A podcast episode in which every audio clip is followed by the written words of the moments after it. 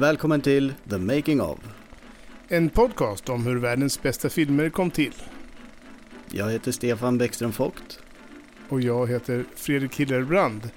I detta, säsongens sista avsnitt, ska vi berätta om inspelningen av Gudfadern. Som milt uttryckt skulle bli en pers.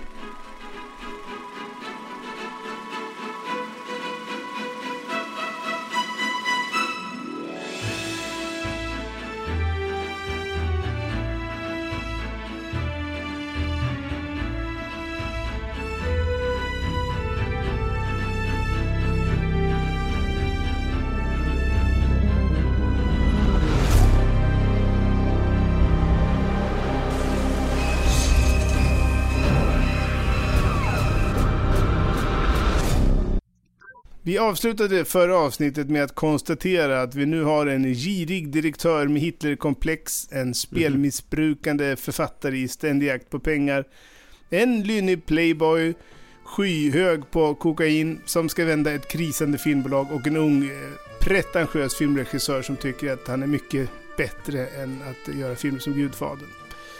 Så där är vi. Mm.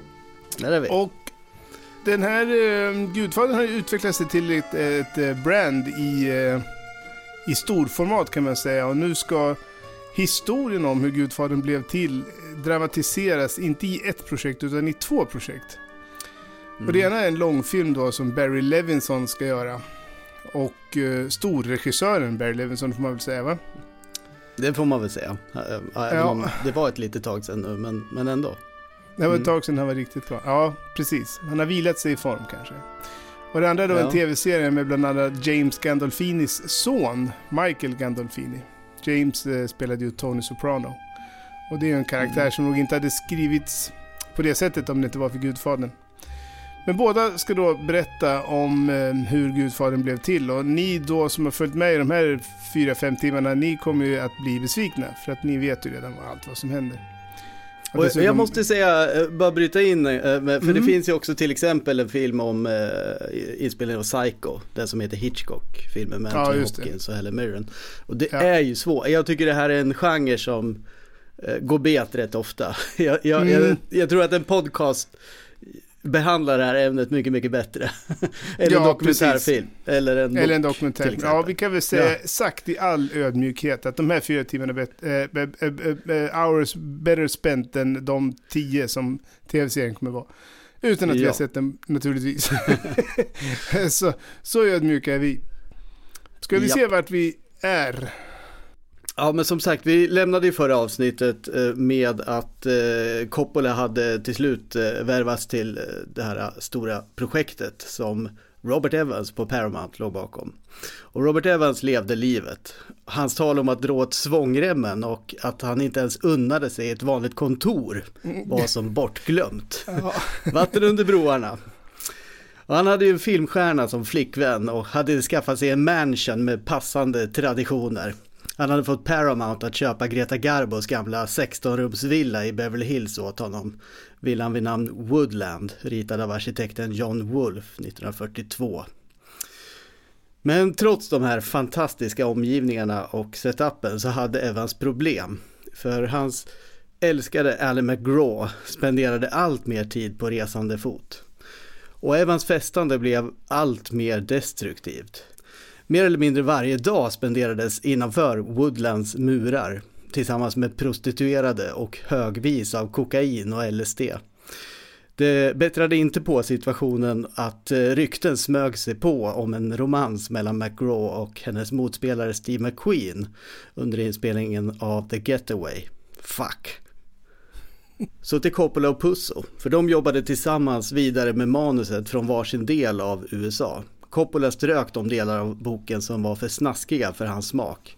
Men i det som blev kvar följde han boken ganska eh, till punkt och pricka, vilket gjorde att inga större kontroverser uppstod. Coppola gillade Puzos fantasifulla beskrivning av maffian.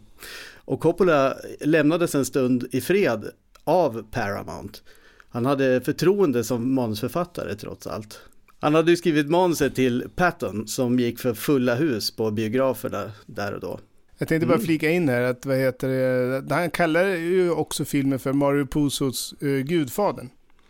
Så att han har ju haft en väldigt stor respekt för, för Mm. boken. Och säger ju att allt det som är bra i filmen kommer från boken. Så att Mm. han är ju inte, vi är inte ute i en Stephen King eh, eh, Kubrick-situation här. Utan det är ju faktiskt Mm. två som jobbar väldigt nära och respekterar varandras verk. att För, säga. för att välja maffiaspråk så sa ju Coppola att Puzo made him, not the other way around. det är roligt. ja, det är bra. Ja, man kan ju tycka att allting borde rulla på nu då, när Gudfadern har fått sin regissör till slut. Men fortfarande så vilade projektet på extremt lösa boliner. Först ville Paramount göra som många andra bolag gjorde vid den här tiden. De riskminimerade. De ville satsa så lite pengar som möjligt på många hästar istället för allt på en. Och det var ju så till exempel Easy Rider kom till. Mm. Och den blev ju tidernas mest inkomstbringande film i relation till sin mi- minimala budget. Ja. Så man ville hålla Gudfaders budget relativt låg då. De ville göra filmer för ungefär 2,5-3 miljoner dollar. Och omräknat till dagens penningvärde så är det ungefär 120 miljoner kronor. Eh, ungefär motsvarande Pulp Fictions budget faktiskt. Om, om Ja, ja, parallell. kul parallell. Ja. Mm. Och eh, för att göra det så skulle man ju skriva om handlingen så att den utspelas i nutid istället för på 40 och 50-talen som i boken. Mm. Dessutom, och det skulle ju typ vara hippies och allt möjligt i, i, i filmen då. Eh, och dessutom så skulle man ju då spela in filmen i Kansas City, vilket var billigare än New York. Och för anledningen till att man gjorde de här valen var ju att Paramount läckte som ett såll. De gjorde en miljardförlust som vi konstaterade i förra avsnittet. Och att satsa stort var liksom inte på tapeten. Universal gjorde ett försök att köpa in sig på filmen. De bjöd Paramount en miljon dollar för optioner. På Paramount såg man det som en bekräftelse på att de hade en, en stor hit på gång och då ville de casha in snabbt. Paramount gav filmen till Al Ruddy. Han var den enda producenten hos studion som hade lyckats med konststycket att leverera en film i tid och på budget. Och allt verkade rulla på nu som Paramount ville. De hade en rutinerad producent och en oerfaren regissör som kunde gå studions ärenden. Och det faktum att eh, Coppola var italienare gjorde ju också att han undvek de här klichéerna som man lätt annars hamnar i. Exempelvis så visste Coppola att när männen sitter uppe sent och smider planer på kvällen så är det inte nödvändigtvis över en hemlagad pasta utan med kinamat i pappkartonger. Det tror jag inte man hade kommit undan med om man inte var italienare. Nej. Då hade man blivit anklagad Nej. för att slarva. Men Coppola var inte så flexibel som studion hade antagit. För Coppola fightades för att eh, få göra filmen i en historisk kon- kontext, precis som romanen. Och han ville fylla filmen med en massa tidstypiska detaljer och fånga den speciella stämningen som rådde i 40-talets USA efter andra världskriget. Och han slogs också för att få spela in i New York. Coppola tog ju som sagt då bort snaskiga detaljer då som Lucy Mancinis gynekologiska skönhetsoperationer. Som vi nämnde i förra avsnittet och Ja. eh, han strök även bakgrunden med Johnny Fontaine i Hollywood. Och samtidigt så gillade han den här berättelsen om den unge Vito Corleones eh, uppväxt på Sicilien och hans invandring till USA. Men han visste samtidigt att han skulle få tillräckligt svårt att få igenom att handlingen förlades till 40-talet och till New York. Så att han tog bort den här uh, origin storyn så att säga. Eh, och det kommer ju istället att utgöra halva berättelsen i uppföljaren sen. Ja, precis. Med lite annat självförtroende där då. Precis.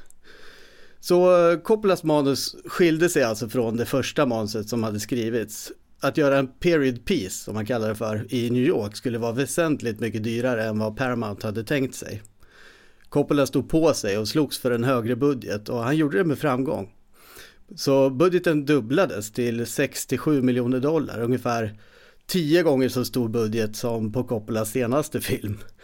Och eh, insatserna hade ökat exponentiellt, men så här långt var Coppola och Evans på samma sida i alla fall. Men snart började problemen rada upp sig. Mm, det får man säga. Problemet var ju att de hade köpt rättigheterna för boken för en spottstyver och nu gick ju boken och blev en bestseller. Och resultatet blev ju då att plötsligt så ville varenda chef på Paramount lägga sig i detaljer som de normalt sett inte la sig i. Inte minst så gällde det castingen. Alla hade sin egen kandidat för varje roll och ingen verkade ha den slutliga beslutsrätten. Coppola tog fasta på ledordet att det skulle vara italienare i rollerna. Många av dem som tillsattes i rollerna var inte skådespelare utan folk som bara hade rätt utseende. Och han fastnade för till exempel för wrestlern Lenny Montana, känd som The Zebra Kid, som precis hade kommit ut från New York-fängelset Rikers Island. Och han såg ju verkligen ut som en mafioso, vilket han också var. Och han fick ju då rollen som Corleones hitman, Luca Brasi. Och vi kommer att återkomma till, till Montana förstås. Det kommer vi i allra högsta grad. Coppola då, som alla andra i det här unga gardet i Hollywood, var inte intresserad av stora namn. Han var inte ute efter stjärnor utan han ville ha, istället ha folk som var trovärdiga som italienska amerikaner. Som inte tacka like dis. Coppola ville ha skådisar med New York-accent snarare än italiensk accent. Evans tyckte tvärtom. Han ville ha stora namn. Han såg ju sig själv som en stjärna och trodde verkligen på star quality. Och eftersom det här var en studiofilm så ville han plötsligt vara delaktig i besluten om castingen. Coppola var en nolla. Evans förutsatte att han kunde bestämma på det sätt som han hade gjort med Love Story och sina andra filmer. Fram till 1960-talet så var det studiefolket som bestämde i Hollywood. Regissörerna var, med kanske några undantag, utbytbara. Men den nya generationens regissörer hade ju sett hur de gjorde i Europa, i Frankrike och Italien, där regissören var kung. De kände att de hade rätten på sin sida, så mycket att Evans inte kunde utöva sin vilja ens med en nolla som Coppola.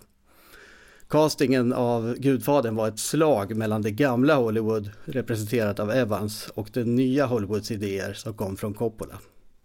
Mm, vi hörde ju det i det här eh, intervjusamtalet mellan Coppola och Scorsese eh, förra avsnittet att det fanns liksom en lucka i tiden i deras karriär när båda hade möjligheten att agera ganska autonomt. Och det enda de behövde att göra det var att lova högt och heligt att hålla budgeten för man förmodades liksom bara följa det som man hade avtalat innan. Men de ja. kunde jobba ganska självständigt i början av 70-talet. Men sen började ju då alla studier att anställa mellanledare till höger och vänster som sprang och rapporterade upp till chefen och eh, la sig i alla beslut och det tog ju en hel del av arbetsglädjen och det var ju också därför de gick mot independent-filmen eh, mm. efter kan man säga. Just det, de sa ju det att, ja, precis att det saknades middle management som ja. gav dem dröm lite space. Ja,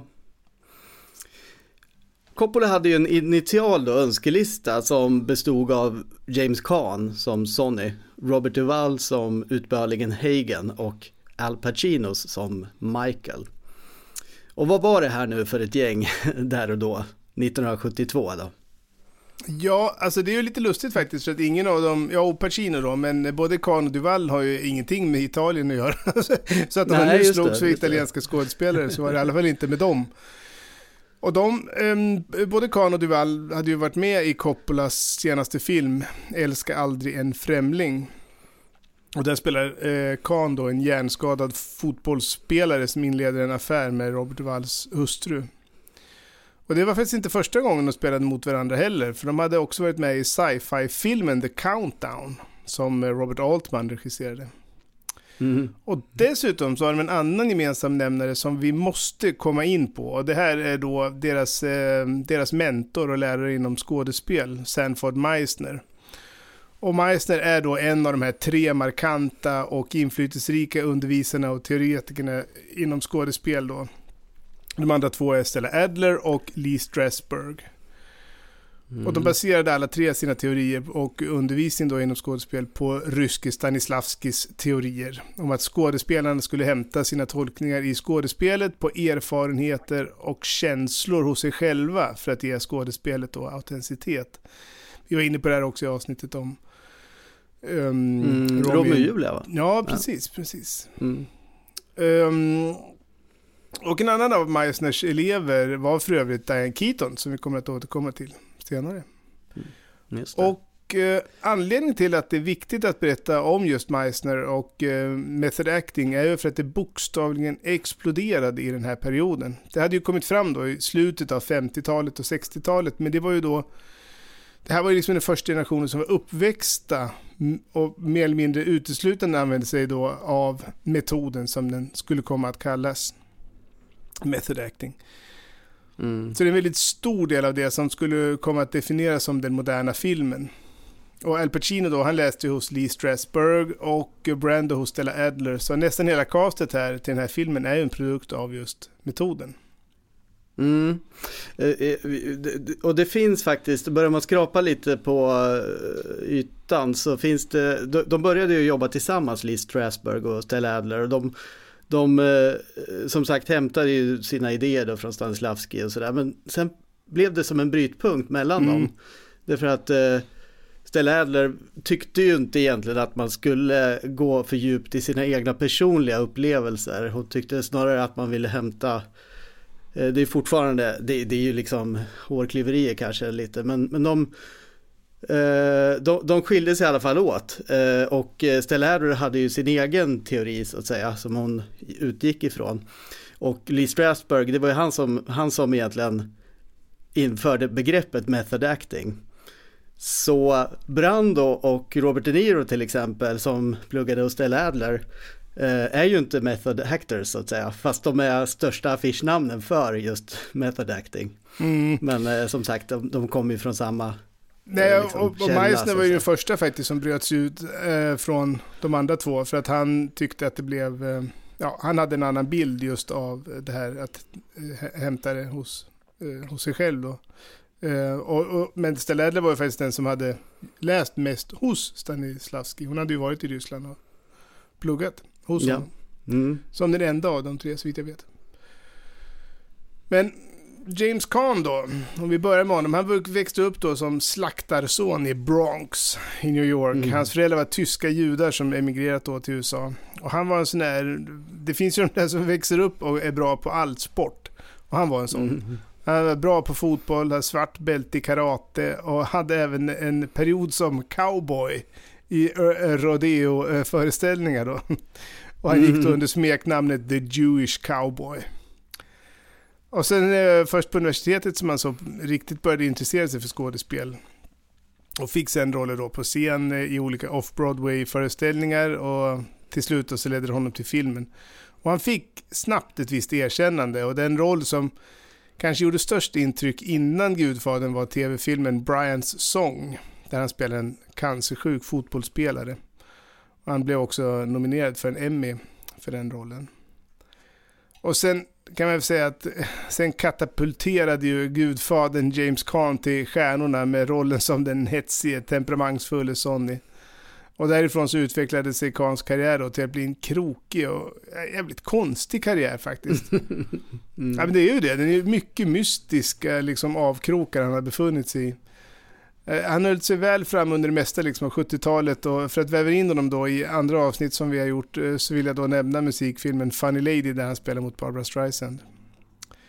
Och Kahn och Duval skulle mötas eh, även igen då i Sam Peckinpahs spionfilm The Killer Elite. Och sen är det då att karriären blir jävligt knepig och han eh, tog en massa felbeslut eh, och under hela 80-talet så var han liksom marginaliserad. Ja, han fick en depression, förlorade sin syster i, till leukemi, tog för mycket kokain och valde att eh, pensionera sig helt enkelt. Han sa helt enkelt mm -hmm. jag orkar fan inte jobba mer. Liksom. Han hatade ja, Hollywood. Han var inte gammal då? Liksom. Nej, 82, nej, då var han ju 40 typ. Han är från mm. 1940, så han var 42 år. Mm. Men alltså han hade ju tänkt att han hade tjänat så jävla mycket pengar. Eh, så att han tänkte, för jag hatar Hollywood sa han, så att jag, jag får leva på det jag sparat ihop då det kunde han då göra att han inte hade sparat särskilt mycket pengar. och så har då sagt så här, jag ville inte jobba, men när hundarna var hungriga och jag kunde se deras revben så insåg jag att jag inte hade något alternativ. ja, det var för hundarnas skull. Det var för hundarnas skull. Så han fick gudskelov comeback då under slutet av 80-talet. Och ja, just det. Jag behöver ja. inte gå igenom hela hans karriär, men jag vill i alla fall framhäva liksom eh, Stephen King-filmen då, Misery, eller Lida på svenska Ja. han, eh, jag tycker han spelar så jäkla bra i den där rollen som den plågade, Mm. kidnappade författaren Paul Sheldon. Mm, jag såg den faktiskt för någon månad sedan eller? Jaha, den har det väl Mm. fortfarande måttet? Ja, det gör fortfarande ont när de Ja, hugger av honom benet. ja. ja sen Ja. måste vi också nämna hans roll då, en, en väldigt liten men otroligt viktig roll i von Triers Dogville. Där han är någon form av Ah. maffiaboss ju faktiskt. Som utkräver hem då på dotterns vägnar. Han kom ju där i bilen precis mot slutet. Mm. Ja, men första gången han pensionerade sig, det var han då 42. Men eh, nu är han ju 80 och nu jobbar han ju fortfarande. Så han är ju med Ja, okej. i film efter film efter film. Han tog lite sabbatsår där i mitten på karriären istället. Ja, liksom, precis. så. Var väldigt hung... Eller så är hungrarna bara, for... hundarna fortfarande hungriga. Det kan ju vara det också. Eh, Jag kom på bara, eftersom vi väver då den här väven mellan våra avsnitt, så kom Mm. jag på avsnitt ett, Pulp Fiction, där var han med, vi nämnde honom. Därför att han, nu ska vi se, dekoren till eh, Jack Rabbit Slims Diner Ja, just var ju hämtad ifrån hans debutfilm Redline 7000 eller 3000 tror jag den Ja, heter. just det. Gud, det var faktiskt, Ja, det var, där fick du gräva i minnet. Det var imponerande Ja. att du kunde hitta, hitta ända dit. Ja, imponerande. Ja, Robert Duvall eh, spelar en väldigt annorlunda karaktär i filmen. Och han växte upp i San Diego. Och båda hans föräldrar har rötter inom armén. Pappan var admiral i US Navy. Och mamman var faktiskt släkting till Robert E. Lee som var general Aha. under inbördeskriget. Ja, just Aha. Du har faktiskt också spelat honom, men nu får jag hoppa lite i tidslinjen, i, ja, för typ tio år sedan bara. Så att han Aha. har, ja han har verkligen liksom eh, rötter inom armén. Men Duval var då enligt egen utsago usel på allt utom skådespel. Så han eh, gjorde då sin militärtjänstgöring för att eh, ja, göra som han och pappa ville. Och sen flyttade han då till USA och läste skådespel hos Sanford Meisner.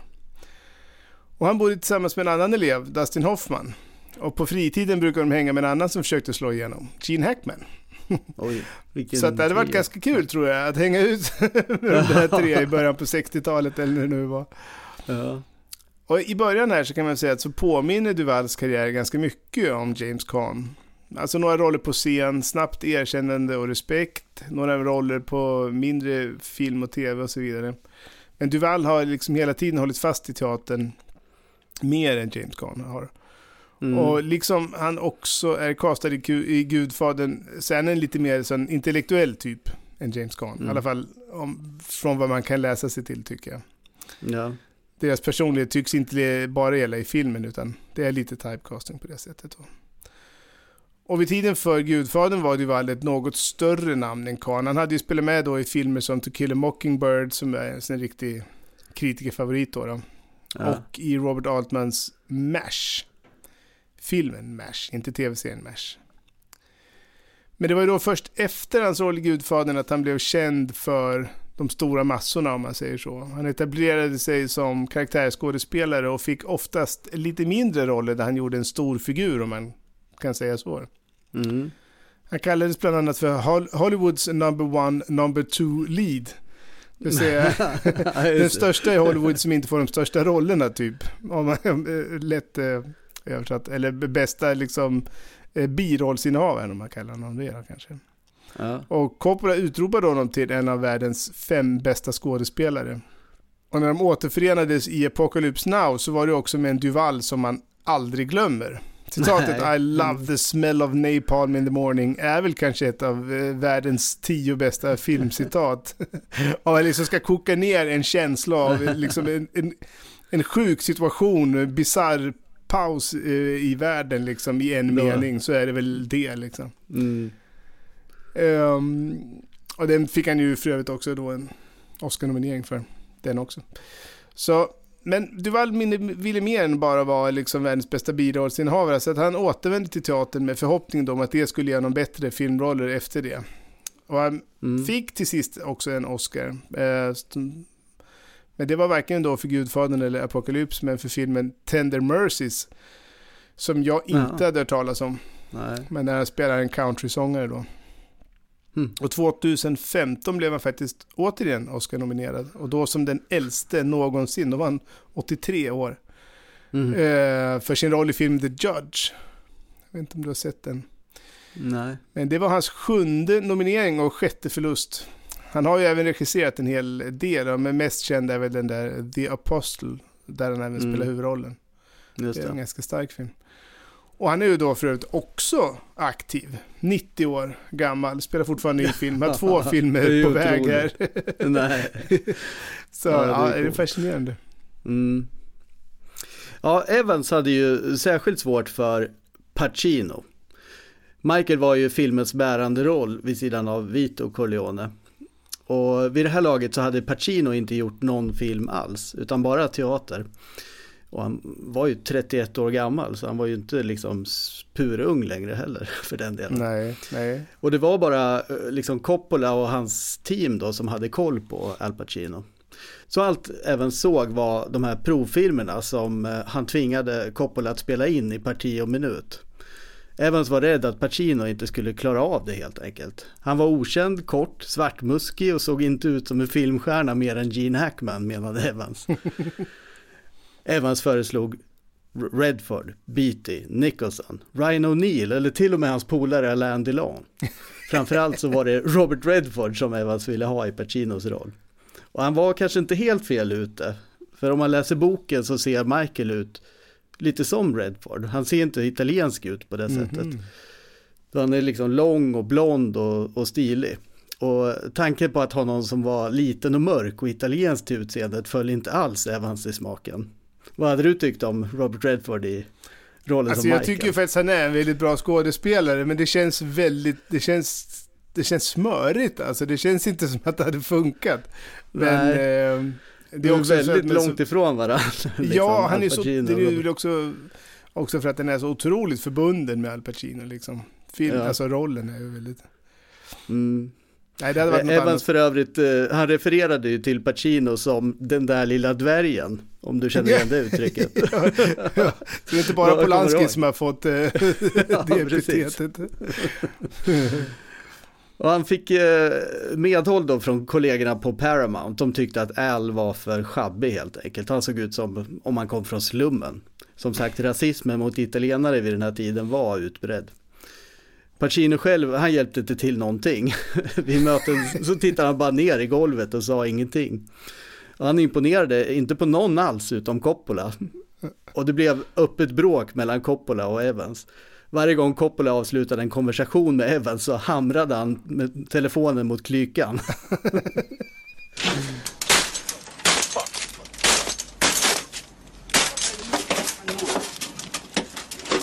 Al Pacino fick göra provfilm efter provfilm. Han var ung och trodde att det var så det gick till helt enkelt. Men så började Coppola att antyda att det inte skulle bli någonting med den här rollen som Michael. Han sa att det, kanske att de kunde göra en annan film ihop senare istället. Och Coppola bad mot sin vilja James Caan som redan hade provfilmat för rollen som Sonny att provfilma en gång till för rollen som Michael.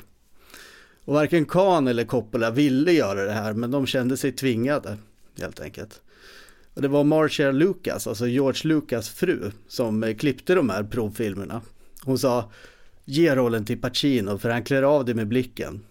Och när Coppola frågade Diane Keaton, som hade agerat motspelare i de här provfilmerna då, vem hon tyckte skulle spela Michael, så svarade hon kort och gott Al.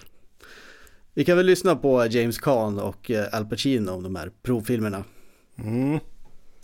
One night I got a call from Francis. He was in New York, and he said, uh, Jimmy, and I could tell from his voice this was not his idea.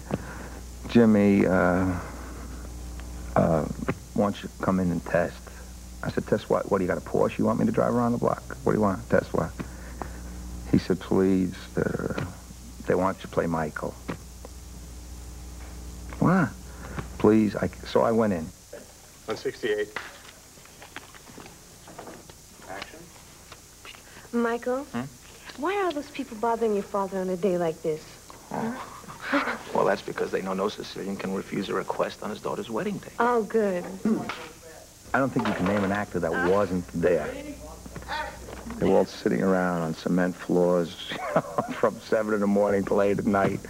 Guys with, you know, some guys talk like this, you know. I mean, that guy's from all over the world. I, They tried to kill him, my father. They did. They nearly did. Mr. Uh, Brazzi went after them. And so the story goes, The story goes that he killed six men in two weeks. He killed six men in two weeks. Six men in one week. And he kept sneaking Al in, you know. At the end of the day, he kept testing out, testing out, you know. It kept happening a lot. I, I and it was countless. I, I, they went on and on. I remember saying at the time, you know, I, I just don't respond well to uh, being around where I'm not wanted. I would rather, you know, it's tough enough, an actor, you know, rejection. Ja, Al Pacinos bakgrund påminner om Coppola, så det är möjligt att de hade någon form av släktskap i det också som gjorde att Coppola kämpade lite extra. För han föddes då i, Harlem i New York och båda hans föräldrar har italienska föräldrar. Hans morföräldrar kommer för övrigt faktiskt från byn Corleone på Sicilien. Mhm. Och hans föräldrar skildes väldigt, väldigt tidigt så, så mamman och han flyttade in hos morföräldrarna och växte upp då i, i Bronx. Och han var rastlös, dålig i skolan, började dricka och röka tidigt. Alltså dricka alkohol och röka tidigt i nioårsåldern. Och blev även förtjust i Mariana som väldigt, väldigt ung. Men han lyckades eh, faktiskt hålla sig undan de tunga drogerna, vilket var en jäkla tur. För flera av hans vänner, av hans allra eh, närmaste vänner när han växte upp då, är döda av överdoser. Ja, det finns ju faktiskt en film alltså, som man spelar in precis efter Gudfadern tror jag. Ja, vad heter den då? Som handlar om heroin. eh, Nej, den kom innan vet du, och den kommer jag Kom återkomma innan? till sen. Ja. Ja, okej, så att sorry. det, var Jag faktiskt... förstöra något där. Nej, men jag tror att det, det jag har faktiskt rätt- sett den. Ja, Jaha, ja, Panic in ja. Needle Park är det du tänker Just på? det, just det. Just Mm. det. Ja, sorry. Ja, nej men han, eh, men han visste i alla fall då att, eh, att det var liksom skådespelet som, som skulle bli hans räddning. Så han droppade mer eller mindre vanlig skolgång helt och hållet, med undantag för engelska, det var den han liksom höll fast i. Och för att finansiera då skådespelarlektioner vid sidan av så tog han alla slags jobb han kunde få. Det var liksom dagsjobb mer eller mindre, liksom som busschaufför och tidningsutdelare och alltså allt. Och hans mamma hon kunde inte förstå det här beslutet att liksom hoppa av skolan så att han fick väl klara sig själv då. då. Mm. Vilket gjorde att han ofta var hemlös, bodde på olika teatrar hos vänner och så vidare. Och helt plötsligt så dog hans mamma bara, 43 år Oj. gammal. Och året Mm. efter så dog hans morfar. Så där stod han 22 år gammal utan sina närmaste anhöriga för att det var ju två av de tre personer, pappan såg han ju aldrig någonting av då. Och, och i och med att han Mm. bodde med mormor och morfar och mamman så var två av de tre var borta. Ingen bra start i livet. Nej, det var inget bra. Alltså utan jobb, utan liksom utbildning och utan bostad. Men han Mm. fortsätter då att satsa allting på skådespelet och efter att ha studerat eh, några år då på non-profit-skolan HB Studios Mhm. hos eh, Charlie Lawton som inte är Charles Lawton. Det trodde jag först. Jag började ja, gräva i det där liksom, men det är det inte. okej. Men ehm, så blev han då efter ett antal avslag äntligen antagen på Actors Studio. Och det var där Mm. han började få undervisning då av mästaren Lee Strasberg. Och just de här två då, Charlie Lawton och Lee Strasberg, är de som enligt Pacino själv har betytt allra, allra mest för hans karriär. Hade det inte varit för dem så hade hans liv kunnat se otroligt mycket annorlunda ut. Ja. Och Mm. Pacino är ju lika mycket en teaterskådespelare som en filmskådespelare. Och han har ju fortsatt stå på scen under hela karriären. Och en av hans första Broadway-föreställningar gav honom ordentliga rave reviews. Mhm. Och gjorde att han belönades med en Tony Award. Så att jag Mhm. tror att det var nog ganska många som hade börjat få lite koll på honom här. Och säkert också där Coppolas team hade liksom sett honom. För att en Tony Award i USA, det är stort. Det är stort. Ja. Det är riktigt stort. Och på film då så uppmärksammades han i debuten i Panic in Needle Park. Och det var, Mm. enligt vissa då, den rollen som gjorde att Coppola kunde använda den rollen för att övertyga Evans att ge honom rollen. Men ja. Mm. jag vet inte riktigt eh, om det var så historien var, men det var i alla fall, eh, han blev ju uppmärksammad för den rollen och den var ju, hade ju också en sån här realistisk stil som var liksom ett steg i rätt riktning. Mm. Det är en hemsk film faktiskt. Det, det handlar alltså om heroinmissbrukare i, i den här Needle Park då liksom. Och det är deras Ja. vardag som det, Ja, man får fan. se folk som initierar och äh, tar överdoser och alltså det är bara nattsvart. Ja. Mm. Coppola stod på sig i alla fall eh, och det blev ju Pacino till slut i den här rollen som Michael. Och med det på plats så åkte Coppola till New York då för att reka inspelningsplatser istället. Så han eh, fick möjlighet att umgås där med sin polare Martin Scorsese. Så han åt pasta vid Martins mammas och pappas bord i deras lilla lägenhet i Little Italy. Och Martins mamma då, eh, Catherine heter hon, hon var ju en sån härlig tant. hon, hon, var ju med i, i många av Martin Scorseses tidiga filmer. En, en riktig sån här italiensk mamma. Pratar hela tiden och lagar massor av mat. Ja. Och vi kan lyssna på henne tycker jag som, som Joe Pescis mamma i Maffiabröder. Ja, det tycker jag absolut vi ska. Thank you. Why don't you get yourself a nice girl? I Get get a nice one almost every night, ma. Yeah, but get yourself a girl so you could settle down. That's what I, I mean. settle down almost every night, but then in the morning I'm free. I love you. I want to be with you. I want to be with you. Don't you settle down? Catherine Scorsese brukade ju stå för cateringen när det var dags för inspelning. Så hon tyckte att hon hade erfarenhet och mandat att ge Coppola lite förslag på skådespelare. Och hon gav sig inte, för varje kväll vid middagsbordet så kom det på tal. Och en kväll föreslog hon Richard Conte i filmen. Och det slutade faktiskt med att Coppola gav med sig och tog med honom.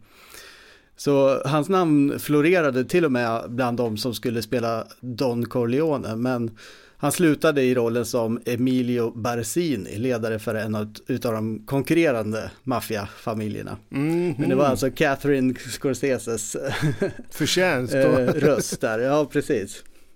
En annan gång så frågade mamma Catherine hur många, hur många dagar Coppola hade på sig för inspelningen. Och han svarade, eh, ja hundra dagar har vi planerat. Och då utbrister hon, that's not enough! det är inte tillräckligt. och Martin fick liksom lugna ner henne och säga, skräm honom inte mamma. Ja, vi lyssnar på mer Catherine Scorsese. Det gör vi. And then I go here. This is what my mother-in-law taught me. Take a spoon, few spoonfuls of tomato, throw them in here because your meatballs remain very soft. Not like some of the meatballs you eat sometimes. You're invited somewhere. Yeah. You eat a meatball and it's as hard as can be. You throw it at the wall, and the wall will crack. I really shouldn't say that because I have a lot of friends and I'll be getting a lot of telephone calls. Well, my mother-in-law used to teach a lot of it. Used to teach us a lot of it, you know. My mother taught me one way and my mother-in-law had a different slant to cooking. She was a very good cook. Men eh, castingproblemen ville inte försvinna. Beslut fattades och de revs upp. Vem skulle spela huvudrollen som Don Corleone? Det skulle vara en äldre man, 60-70 år, och det begränsade valmöjligheterna. Coppola insåg att han knappast skulle hitta en okänd skådespelare i den åldern. Och han slutade med två namn som också var de två skådespelarna som båda kunde göra anspråk på titelns tidernas största skådespelare. Laurence Olivier och Marlon Brando.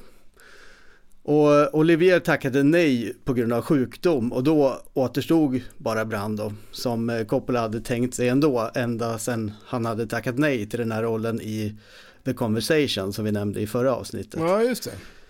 Så eh, Brando var ju egentligen hans förstahandsval. Folket på Paramount var inte nöjda. Deras val var ju Ernst Borgnine som nyligen hade varit med i 12 fördömda män. Men eh, framförallt så ville de mer än något annat i världen absolut inte ha Brando. Robert Evans, Charlie Bluedorn och studiepresidenten Stanley Jaffe var starkt emot det här. Jaffe sa, Francis, som president för Paramount Pictures säger jag till dig att Marlon Brando inte kommer vara med i den här filmen. Så tydligare än så kunde det ju inte bli. Nej, det... Men eh, varför var studiefolket så negativt inställda till Brando kan man ju undra. Och eh, för att besvara den frågan så behöver vi nog kika lite noggrannare på vem Marlon Brando egentligen var. Och här vill vi ju göra en liten sväng om till då, för Marlon Brando tillhör ju inte bara filmvärldens utan också 1900-talets mest mytologiserade personer. Så vi får göra det med lite finess, för vi kommer säkert att återkomma till honom i senare avsnitt. För det första så var ju Brando en man med en hel massa olika sidor som ofta låg i konflikt med varandra. Han var också väldigt lynnig och humörstyrd och kunde vara den mest charmerande människan i världen för att i nästa stund få våldsamma vredesutbrott. Han var djupt intellektuell och allvarlig, men samtidigt så gillade han att larva omkring och var speciellt förtjust i practical jokes som han gjorde hela tiden, höll på med. Och dessutom så besatt han då en väldigt stor integritet som gjorde att han kunde stå ensam mot världen. Han växte upp med alkoholiserade föräldrar, där mamma var kärleksfull men plakat. Och Malon fick hämta upp henne från fyllecellen mer än en gång. Och pappan misshandlade familjen, framförallt då psykiskt men vid något tillfälle även fysiskt. Och det gav Brandon men för livet och styrde i mångt och mycket hans agerande som vuxen. Han led av posttraumatisk stress och hade bland annat tinnitus som sviter av sin barndom. Mm. Som eh, tonåring så flyttade han till New York och kom in på en scenskola hos den stora Stella Adler som han fick ett mycket starkt förhållande till. Familjen Adler blev ju den familj som han aldrig hade haft egentligen och eh, han hade också ett romantiskt till och från förhållande med Stella Adlers dotter Ellen. Men redan under den här tiden märkte han att han skilde sig från sina klasskamrater i attityden till det yrke som de faktiskt utbildade sig till. Han hade ett eh, komplicerat förhållande till skådespeleri. Hans eh, kompisar såg ju på teatern då som något förhöjt och som de närde drömmar om att bli skådespelare och filmstjärnor. När de märkte att Brando inte var på samma våglängd så undrade de om han inte tyckte om att spela teater. Jo då, sa han, på det där uppriktiga sättet som han har. Jag har inget emot det. Och så, det summerade liksom hans inställning. Han, hade, han gjorde det här tills han kom på någonting bättre att göra, så att säga. Ja. Och den inställningen provocerade senare många av hans kollegor i, i Hollywood som tyckte att de hade ju nått högst upp på stegen i, i tillvaron. Och Brando hade ju nått dit de alla ville nå egentligen. Han satt ju på tronen och ansågs vara den största skådespelaren genom tiderna. Och han visade varken stolthet eller tacksamhet för det. Och det var provocerande. Mm, ja, men det är ju det. När man ser någon som har så jävla mycket talang och så gör, det ser så lätt ut. Mm. Han fick sitt genombrott med A Streetcar Named Desire. Eh, svenska lite lustiga översättningen då, Linje Lusta. Först ja. på scen och sedan på film. Och filmen regisserades av Elia Kazan. Och de trivdes ju väldigt bra med varandra. Året efteråt eh, gjorde de filmen Viva Zapata om den mexikanska frihetshjälten. Och ytterligare ett par år senare gjorde paret Storstadshamn tillsammans. Och de här filmerna gjorde ju att Brandos stjärna stod skyhögt på himlen. Han såg ut som en grekisk gud och på duken hade han en magnetisk dragningskraft som ingen annan, varken förr eller senare. Här är han i rollen i Storstadshamn. You was my brother, Charlie. You should have looked out for me a little bit. You should have taken care of me just a little bit so I wouldn't have to take them dives for the short end money. Well, I had some bets down for you. You saw some money. You don't understand. I could have had class. I could have been a contender. I could have been somebody. Instead of a bum. Och Brandos egna ord tycker jag summerar hans inställning till skådespeleri. På 30 och 40-talet så agerar man på ett visst sätt enligt Brando. Man visste vem man fick när man kom till bion. Gary Cooper havre, Shredded Wheat Bogart, Clark Gable Crunchy Fruit Loops. Det var som frukostflingor. De var likadana i varenda roll. Gester av ängslan och förtvivlan. Det var den sortens skådespeleri som, som Brando tyckte var absurt. Alltså jag, kan ju, jag tycker om alla tre, men jag förstår ju vad han menar. Ja. Det är ju inte en ja, jätteregister liksom, utan det är liksom, allt var ju typecasting liksom. Ja, ett citat till från Brando. Jersey Joe Walcott, fantastisk boxare. Vilken kämpe. Han boxades och pang! Så hade man näven i sitt ansikte. Man trodde att den skulle komma från sydväst och så kom den från nordost. Han tänkte aldrig låta dig veta var han skulle slå dig. Låt aldrig publiken veta hur det ska komma ut. Det är du som bestämmer. Med Brando så visste man aldrig vad som skulle hända i sekunden efter. Han kunde vara fullständigt magnetisk framför kameran. Men notoriskt svår att jobba med. Elia Kazan var ju en fadersfigur för honom. Men eh, perioden då de jobbade ihop var ju den här ökända McCarthy-eran. Och man trodde ju att eh, kommunister hade infiltrerat USA och eh, senator Joseph McCarthy hade bestämt sig för att städa upp i USAs administration. Mm. Och Hollywood kom ju inte undan. McCarthy-eran var ju en tid då man kunde bli förlagd med yrkesförbud om man stämplades som kommunist. Och ett sätt att komma undan var ju att nämna namn på andra kommunister. Och det var just det som Kazan gjorde. Så, och dessutom så gjorde han ju Storstasam då för att rättfärdiga sitt beteende. Och där ger ju Brando namn på maffiamedlemmar och parallellen till verkligheten var uppenbar. Och det här blev en brytpunkt mellan de båda. Ja, man ska inte glömma att USA eh, på 60-talet var en tid för politisk turbulens.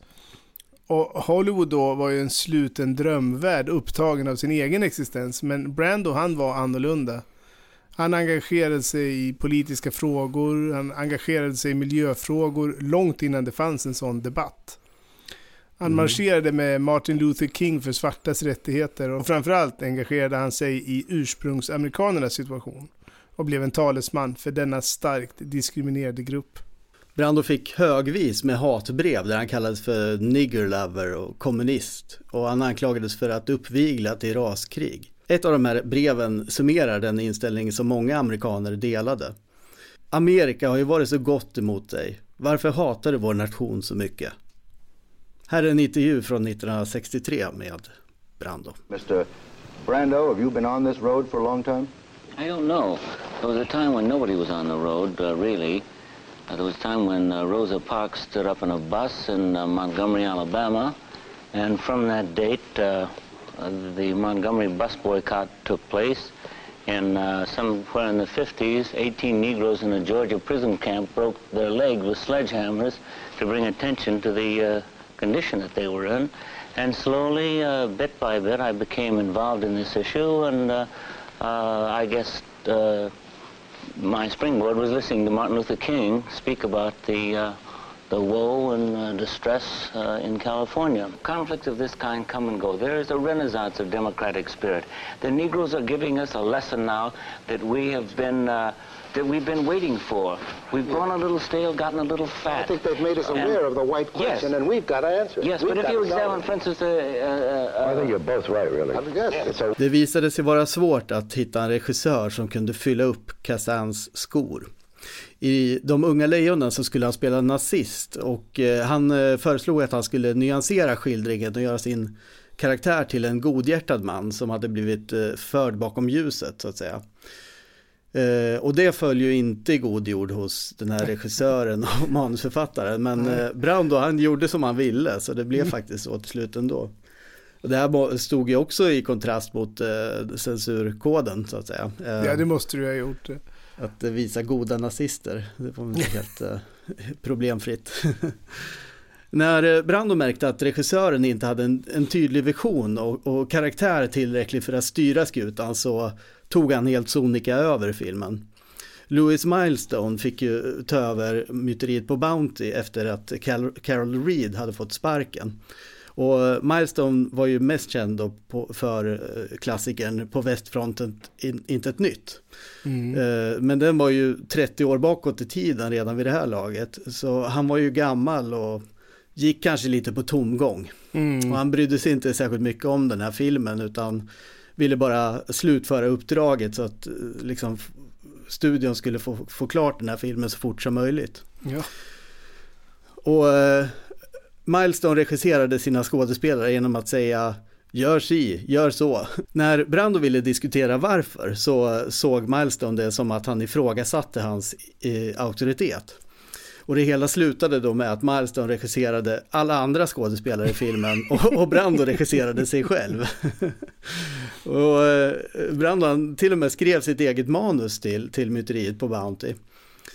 När hans version av eh, filmens slut inte godtogs, han ville ju liksom göra paralleller då till svälten i Afrika, så, så sa han är det så här ni vill ha det, då ska ni få det så. Och det slutade med då att Brando spelade avsiktligt dåligt, vilket slutade med att de fick filma om hela slutet av, av produktionen. Och efter press då om stämning så gick Brando med på det, utan att göra det utan betalning. Ja, det är skönt arbetsklimat ändå va? Eller hur? Ja. Verkligen. Ja, Brando han gillade inte svaga regissörer som inte visste vad de ville. När han hamnade i en sån situation så brukade han liksom trötta ut regissören genom att ge honom, som han sa då, nio dåliga tagningar och sen till slut så gav han honom en tionde tagning. Eh, och då blev regissören ofta så glad så att eh, liksom, han valde just den tagningen. Man måste liksom spela spel med dumma regissörer menade Brando. Synd att de inte träffade Kubrick då. Ja, ja det hade varit en härlig kombination. Ja, precis. Båda försöker lura varandra. Liksom. Ja, men det här gjorde ju att Brandos valmöjligheter minskade under 60-talet och han förverkligade sitt drömprojekt att själv regissera en film. Westernfilmen One-Eyed Jacks. Om han hade fått bestämma hade den blivit fyra timmar lång och de som såg den versionen hävdade att den var ett mästerverk. Men studion tvingade honom att klippa ner den. Mm. Ja, det var länge sedan jag såg One Eye Jacks men jag minns det som en väldigt eh, bra film faktiskt. Ja, även i sin kortform alltså. Mm, faktiskt. Brando var personifieringen av det missförstådda geniet. Mot slutet av 60-talet, alltså den tid vi pratar om nu, så var Brando på botten av sin karriär. Han gjorde ett par mm. löjliga filmer, Grevinnan från Hongkong med Sofia mm. Loren och Candy, där de, att de var direkt pinsamma filmer. Och det tyckte han även själv. Och vid det laget hade han tappat publiken. Han var helt enkelt så kall man kunde bli. Men fortfarande en legend, inte minst hos den yngre generationen. Mm. Och Paramount-folket då, de kände ju till då ryktet om eh, Brandos insats i myteriet på Bounty och liknande tilltag. Eh, han hade ju ett rykte om sig i, i Hollywood. De sa eh, lite raljant att han hade gett klamydia till hälften av alla kvinnor på Tahiti. Han var överviktig och hans senaste film Burn hade floppat. Coppola försökte sälja in Brando då vid ett möte på Gulfen Western i New York. Som sagt, Stanley Jaffe slog ju näven i bordet och skrek att Brando inte kommer att spela Don så länge han är president över Paramount Pictures. Men eh, Coppola han kunde också spela det spelet. För han fejkade ett epileptiskt anfall och kastade sig ner på golvet och höll händerna runt strupen. Som en eh, reaktion då på Jaffes idiotiska utspel. Och eh, Jeffy kom av sig, han blev alldeles skakad. Men eh, vidhöll ändå då att Edward G. Robinson eller Anthony Quinn skulle vara ett mycket bättre val. Vem som helst skulle vara det, utom Brando. Så Jeffy kom upp med tre villkor som skulle förhindra att Brando hamnade i den här filmen. Nummer ett. Brando skulle behöva göra en provfilm för rollen, vilket han antagligen aldrig skulle gå med på. Nummer två, han ville ha en klausul om vite på en miljon dollar om Brando skulle orsaka skada på produktionen eller förseningar. Och tre, Brando skulle inte få någonting betalt. det är skönt att det finns liksom en seriös diskussion om att det är så här det ska gå till för att han ska ja. få rollen liksom. Fan. Ja, och Coppola han sa ja till det här för att eh, han insåg nu att det här är ju faktiskt en öppning. Nu hade ju Jaffe sagt att Brando faktiskt kunde vara med i den här filmen. Hur idiotiska de här kraven än var. Och så följde tidernas mest mytomspunna provfilmning. Coppola gjorde upp med Brando om att han och hans team skulle komma hem till honom. Inte att han skulle göra en audition, det hade han sett som en förolämpning utan att han skulle improvisera lite i rollen som italienare. Och Brando var ju bara 47 år gammal. Och Don var ju i 60-årsåldern. De behövde ju liksom testa sig fram för att se om de kunde få till det där. Och det tackade Brando ja till. Och Coppola har berättat om det här då att det var någonting som hände bara där och då liksom i, i som av bara en, en, slump. Men i själva verket så var det ganska väl förberett av Brando, men det förtar ju liksom ingenting av den här storyn. Nej. Tycker jag i alla fall. Nej, nej. Så eh, Brando fick ju boken Gudfadern sen till sig redan hösten 1970 tillsammans med ett brev ifrån Mario Puzo där det stod jag tror att du är den enda skådespelaren som kan spela rollen med den lugna kraft och den ironi som rollen kräver. Jag tror verkligen att du skulle vara fantastisk. Inte för att jag behöver säga det, men jag beundrar din konst. Och det funkar ju inte alls på Brando det här, för han hatade inställsamhet och smicker. Han hade hört talas om boken i alla fall och det planerades ju att göra en, en stor film utav den, hade han hört. Men det hade han ju också hört förut. Reflections in a Golden Eye eh, skulle ju också vara en stor film. Det var ju den som Coppola skrev manus till.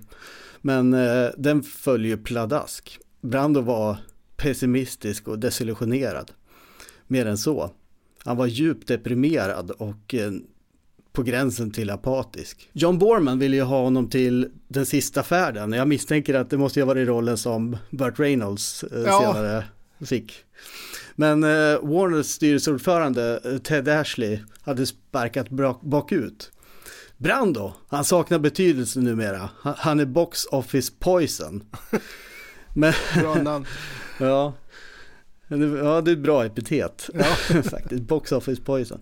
Men det var inte där liksom skon klämde för Brando, det var inte därför han var deprimerad. Utan det var ju situationen i världen som gjorde honom bedrövad. John F Kennedy hade blivit skjuten, Martin Luther King likaså och nu även Robert Kennedy. Amerika hade missat chansen till riktig förändring.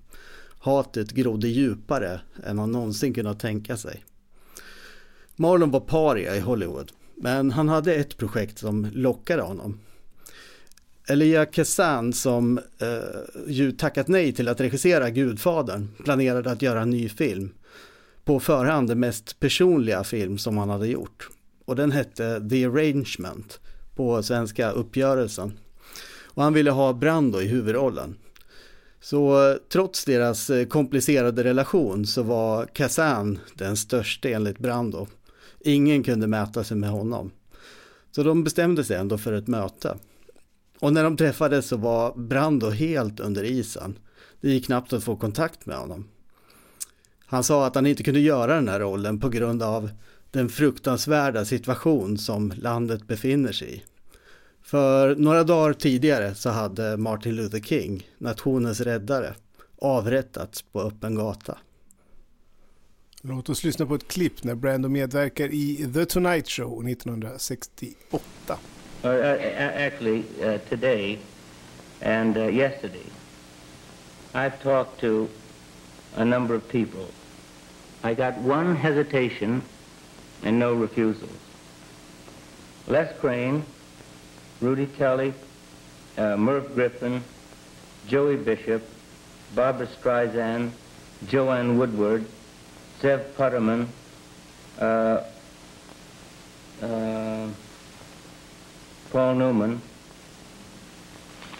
uh, Alex Cohen, who's the producer of the Emmy Awards, and Drew Pearson, who I just left on the phone a few minutes ago, are all willing to give up 1% of their annual salary and send it as a tribute to Dr. Martin Luther King Han eh, rabblar upp namnen på de eh, branschkollegor som han hade fått eh, att ge en procent av sin inkomst för att stötta Martin Luther Kings arbete via The Southern Christian Leadership Conference. Och han eh, uppmanade alla amerikaner att följa det exemplet. Marlon själv bidrog med hela 10 procent. Brando var både deprimerad och arg. Vietnamkriget härjade och han kritiserade det hårt i media. Ni bränner barn i demokratins namn, utropade han upplopp var vardagsmat i USAs storstäder och eh, Brando trodde att det skulle bli inbördeskrig. Så han beväpnade sig och när det kom inkräktare på hans egendom på Mulholland Drive i Los Angeles så jagade han bort dem med en laddad pistol och fingret på avtryckaren. FBI bevakade honom och den legendariske FBI-chefen J. Edgar Hoover hade en fil på Brando jag ska passa på förresten att göra en rättelse här, för jag betitlade Hoover CIA-chef av bara farten i förra avsnittet, men han är ju, var ju chef för FBI. Ja, ja. Det var nog ingen som la märke till det, men inte, nu fick jag det jag, sagt. jag har inte sprängt internet i alla fall. Nej, jag tror inte det. Pengar hade aldrig varit en drivkraft för Marlon Brando, men nu började det, även det bli ett problem. Han hade två exfruar som han betalade underhåll till. Och han gjorde stora donationer till medborgarrättsrörelsen och snart så skulle barnen börja på college. Samtidigt som han ville dra igång ett projekt för att skapa ett marint naturskyddsområde på Tahiti. Det var ju där han hade spelat in myteriet på Bounty och han träffade sin fru där. De köpte en ö och hans familj växte upp där. Mm. Och till slut så började Brando ändå läsa Gudfadern. Han läste ju aldrig romaner, bara facklitteratur. Men eh, den här boken sträckläste han. Han fastnade för Pussos ord i inledningen, där Pusso kallade sin berättelse för en ironisk kommentar till det amerikanska samhället. Det gillade Brando. Och ju mer han läste, desto fler anspelningar hittade han till saker som betydde någonting för honom. För första gången på flera år så kände han sig kreativ. Mörkret försvann. Så 47 år gammal, Oscarvinnare och titulerad som den största skådespelaren genom tiderna förberedde sig Brando för en provfilmning. Han svalde stoltheten, så inställd var han på att få den här rollen. Brando hade ju mött folk i maffian många gånger. Han ville använda minnen utav det och eh, sin egen fantasi för att skapa en sorts karaktär. Och låt se om Coppola kommer att stå i vägen i det här arbetet eller stötta honom i det. Mm. Vi kan lyssna på hur Coppola själv beskriver det. Mm. I mean, Marlon Brando was an extraordinary person to work with, but it was it was magical. It wasn't. You didn't talk acting stuff with him. He'd come in and go, huh, and that meant where is the shot, and and and and uh, he he and I would work with him through props. I would put little salami out, or or I would I would take a cat and just put, but not words. I would never talk about acting stuff. He would hate it if I talked about you know kind of acting talk. But I always worked with props and, you know, kind of offered him things that might help him in his. Uh, but he was a man of incredible intelligence, aside from acting, just as a, as a human being, what he was interested in, what he talked about, what he observed. He was pretty remarkable. The studio didn't want Brando. And oh no, they, they, they, they, I was told by the president of Paramount Pictures, Francis, Marlon Brando will not appear in this movie, and I forbid you, as president of Paramount, to bring his name up again. and at which time I fell on the floor in a faint, and I like had a, you know, I did it deliberately. And they said, "What?" I said, "Well, if I can't even talk about it." Then what kind of director am I? He's okay, you can talk about it. Coppolas förhållningssätt till Brando var ju helt avgörande. Han visade liksom en känsla för takt som var viktig. Som sagt så beskrev han inte deras eh, sammankomst som en provfilmning, trots att alla visste att det var det. Mm. Han sa ju att eh, Vito är ju italienare. Du kanske vill experimentera lite med hur du skulle göra det. Så, och Brando gillade inte höga ljud som en svit av stressen från barndomen då. Så Coppola sa till sina kollegor också att de måste vara som ninjas. Så de kommunicerade främst bara med teckenspråk. Smart. Mm. Och det var tidigt på morgonen. Coppola hade med sig små italienska ostar och maträtter och italienska cigarrer och små korvar. Och han la dem på olika ställen i, i Brandos hus. Han sa ingenting om det, bara la ut dem sådär diskret. Så kom Brando in, fortfarande en väldigt stilig man. Långt blont hår och iklädd en japansk kimono i siden. Och så tog han en pinne och stoppade upp håret med den. Och så tog han skokräm och började stryka i håret för att göra det svart. Och så tog han på sig en vit skjorta och började vika upp kragen och, och så sa han med hes röst, de där italienska killarna har kragen uppvikt.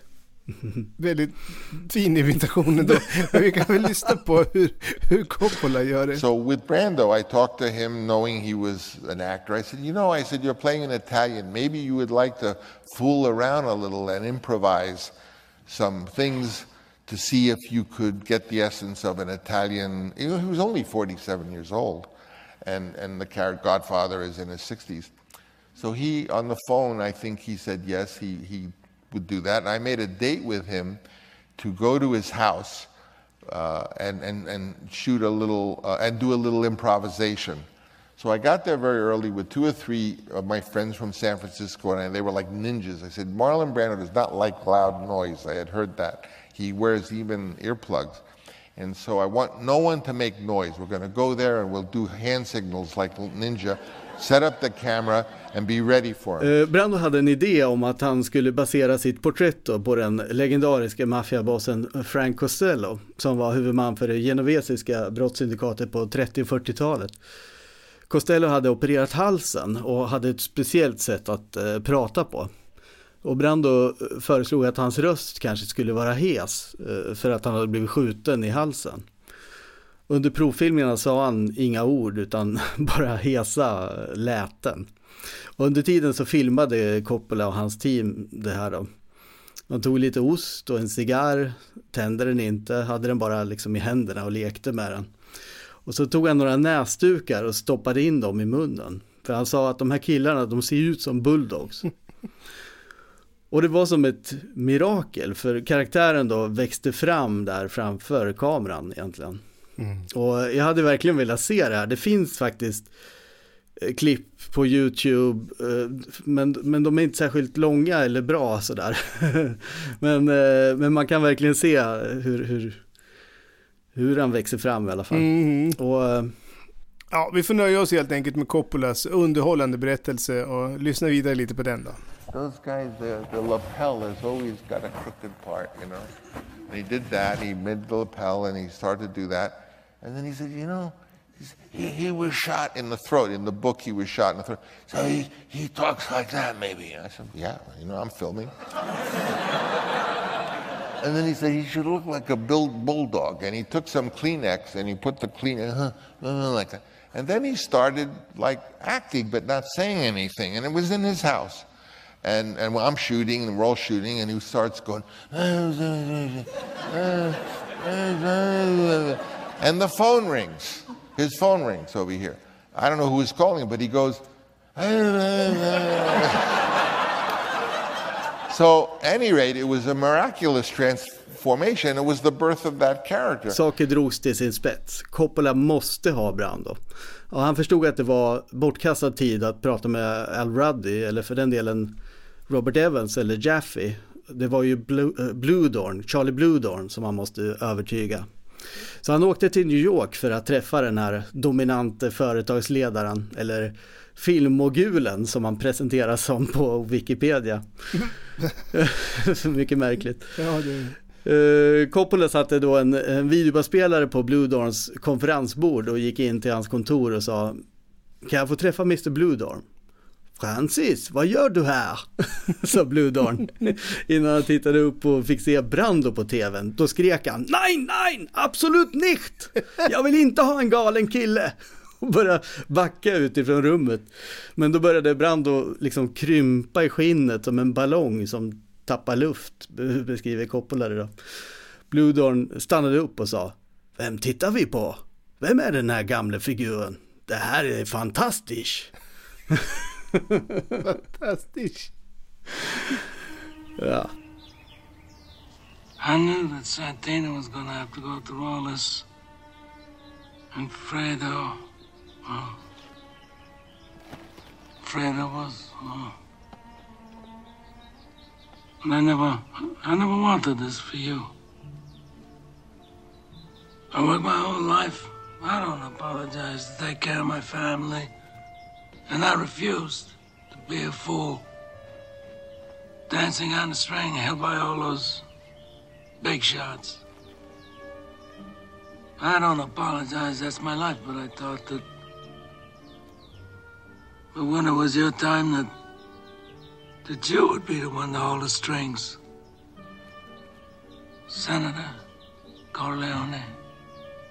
Governor Corleone, something. Another Pezzo Novanta. Oh.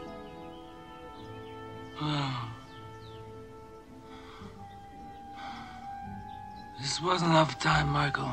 Wasn't enough time. We'll get there, Pop. We'll get there. Klausulen om vite togs bort från eh, Brandos kontrakt och eh, de betalade honom en mindre summa. Men framförallt så fick han då eh, pro procent på intäkterna vilket i slutändan gav honom tio gånger mer betalt än arvodet så att säga. Mm.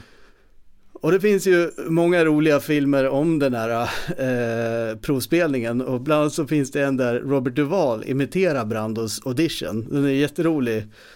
Men det gör sig kanske inte så bra i en podd så att vi, vi får väl lägga upp den i Ja. sociala medier istället. Ja, det, det, det lämpas med ett rep. Ja.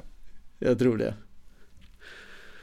George Lucas och eh, Coppola diskuterade Gudfadern. Lucas tyckte att eh, Coppola skulle lugna ner sig och inte gå så hårt in i alla konflikter. Låt dem få det som de vill. Om vi kommer på kant med dem så kommer vi inte få de pengar som vi behöver. Men det var för sent. Coppola var för insyltad i maffiavärlden nu. Filmen hade liksom blivit hans egen här på vägen. Och kanske just tack vare att han fick ta så mycket strid för saker hela tiden. Och sen fanns ju förstås det största incentivet. Han hatade Evans. det är bra motivation. ja. Coppola sa, den här killen är ju en komplett idiot. 90% av det han säger är ju dumheter. Coppola hanterade Evans. Han tolererade honom. De bråkade i fyra månader konstant tills Evans gav med sig. Och Coppola fick sina huvudrollsinnehavare till slut. Pacino och Brando. Om jag inte hade slagit för det här hade slutat med Ernst Borgnine och Ryan O'Neill med handlingen förlagd till 70-talet sa han. Och det är ju din favoritskådis va? Ja. Ryan O'Neill från, Barry Lyndon. vad tror du? det hade, hade det blivit en hit? Fan vad uselt alltså. Ja, det hade inte blivit, det hade inte, det hade inte blivit jättebra. Nej, du, då hade vi inte haft något att prata om idag. Nej. Coppola fick då som han ville, men han var ju helt utmattad efter det här. Evans gjorde hans liv till ett elände helt enkelt. Det här tjafset upptog all hans tid. Tid som man egentligen skulle ha lagt på att förbereda inspelningen som en normal produktion. Och istället för att förbereda filmen så fick han filma audition efter audition och hålla på och bråka med Evans. Paramount slogs fortfarande för att hålla ner budgeten så mycket som möjligt. Huvudrollsinnehavarna fick bara 35 000 dollar var. Brando fick 50 000 dollar och som sagt då någon procent på intäkterna.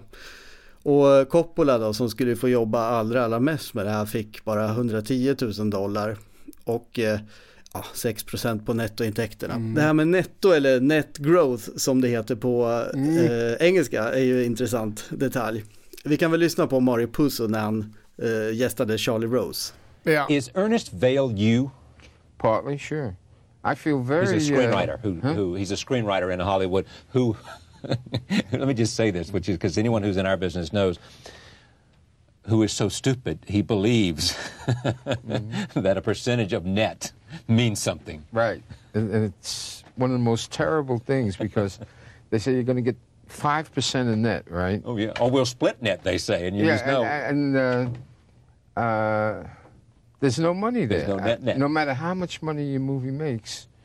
Uh, there was that big movie with Tom Hanks, uh, Forrest Gump. Yeah. The guy who wrote the book got a piece of net. Winston Groom or something? What was his uh, name? What the hell? I think Winston that may be Groom. It. Right. Yeah, right, right. Winston Groom. And he got a percentage of net, and uh, the picture grossed 170 million dollars. He still hadn't had seen a cent yet. And uh, I mean, but there's millions of stories like that. Um, yeah. And it's it just so happens I have a very good lawyer, Bert Fields, who protects me on my contracts now. You know, but at the beginning. Poso antyder ju att han har blivit eh, lurad kan man säga i det här klippet.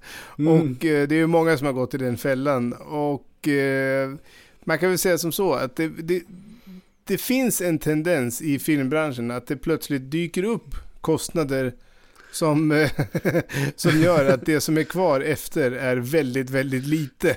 Till exempel som, stor, som Stora utvecklingskostnader, alltså allt det som är above the line och below the line, det är liksom det, det är väldigt svårt att eh, få, få någon inblick i för en utomstående. Och oftast är det ju så att det inte är definierat på förhand heller vilka omkostnader man får ta med. Så helt plötsligt Nej. så betalar man hyra för författare och man betalar eh, flygplan eh, till vanliga möten och så vidare. Eh, som, som, som då gör att det netto är i princip ingenting.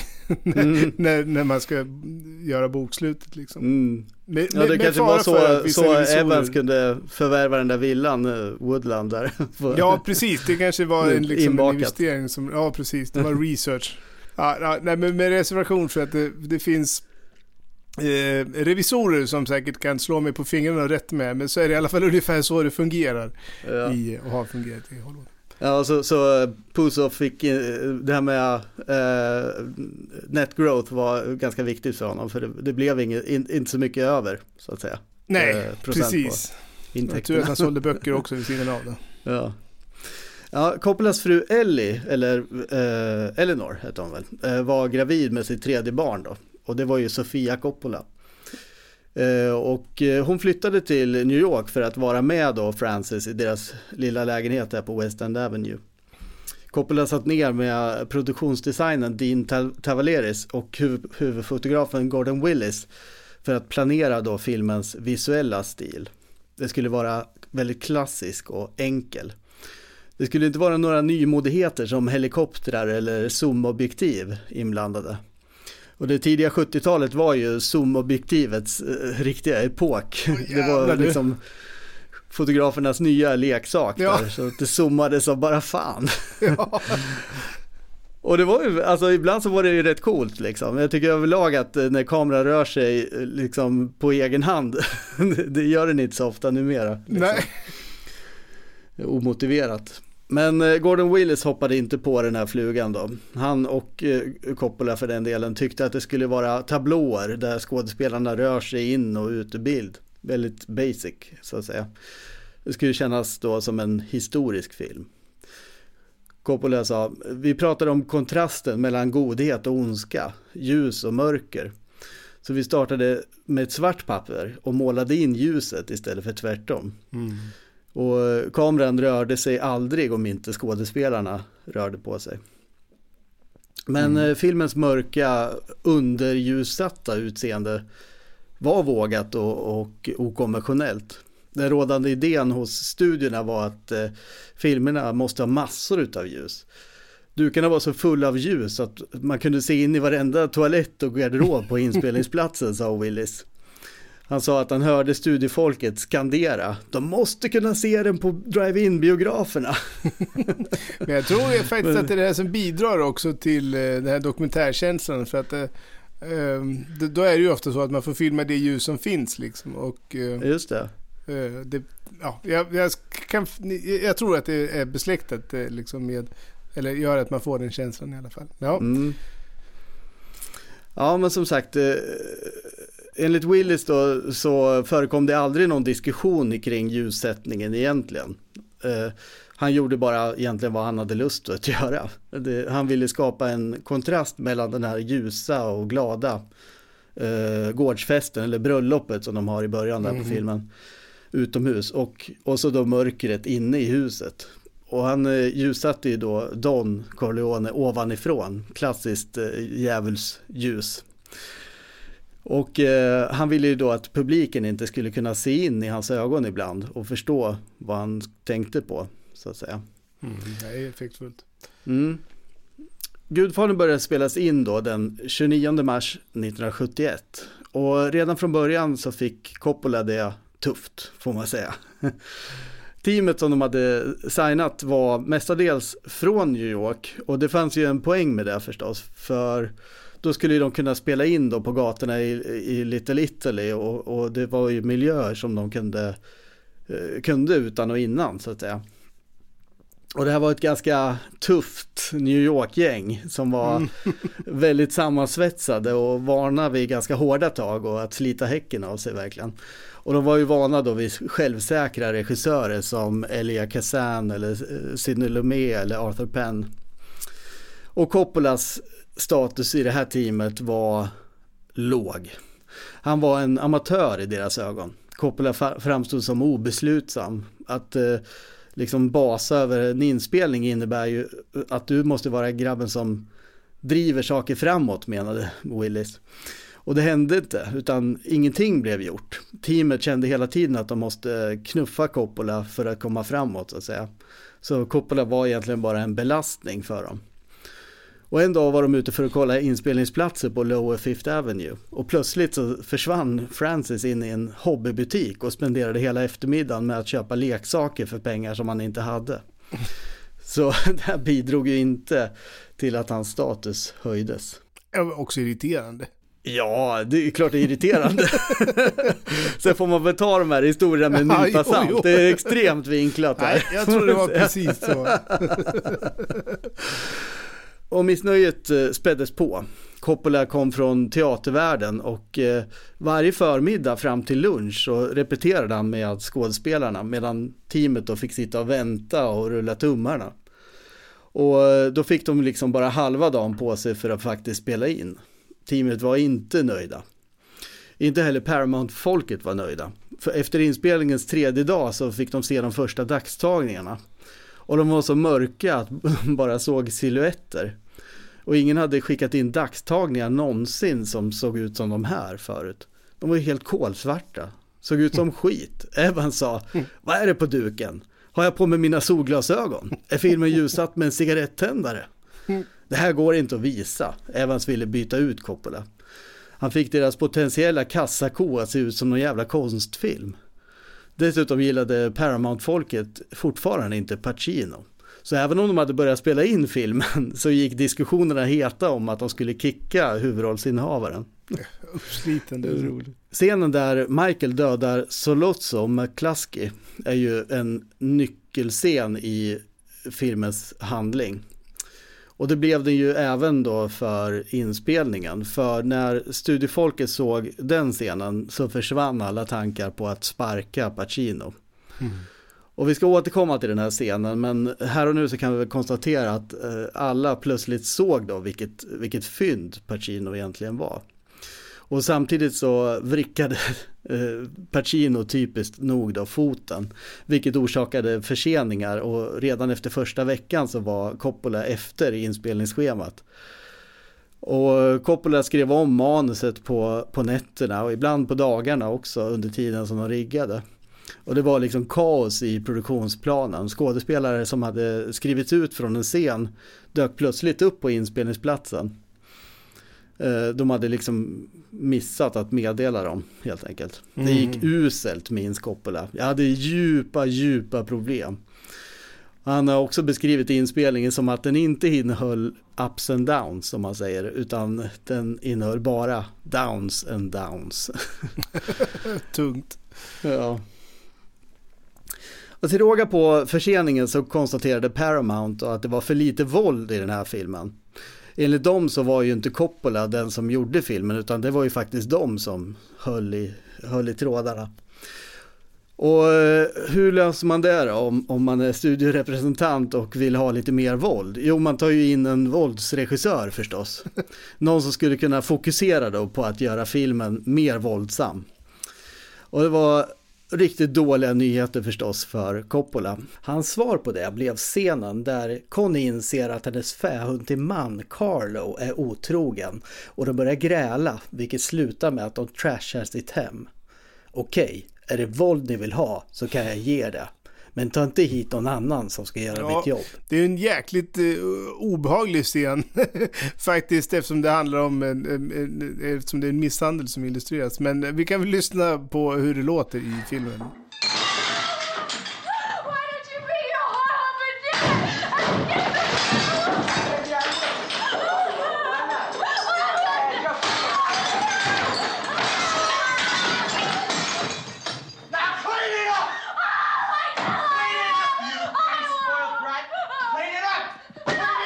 Coppola sa, när man ser den här scenen så ser man en scen av en regissör som vet att en våldsregissör är på intågande. Men det är också det där att ha epitetet våldsregissör tycker jag Eller hur? är ganska det är roligt. Liksom. Ganska nischat också. Om det var Brando kom till inspelningen i början av andra inspelningsveckan. Studiefolket hade inte ändrat uppfattning om Brando. De hatade honom. De förstod inte vad han sa. Evans undrade, kommer den här filmen att ha undertexter? Han såg dagstagningen där Brando eh, är i bårhuset och ser Sonny Corleones döda kropp och utbrister Look how they massacred my boy. Ska vi lyssna på originalet också eller? Nej, det räcker så här tycker jag. I want you to use all your powers and all your skills. I don't want his mother to see him this way.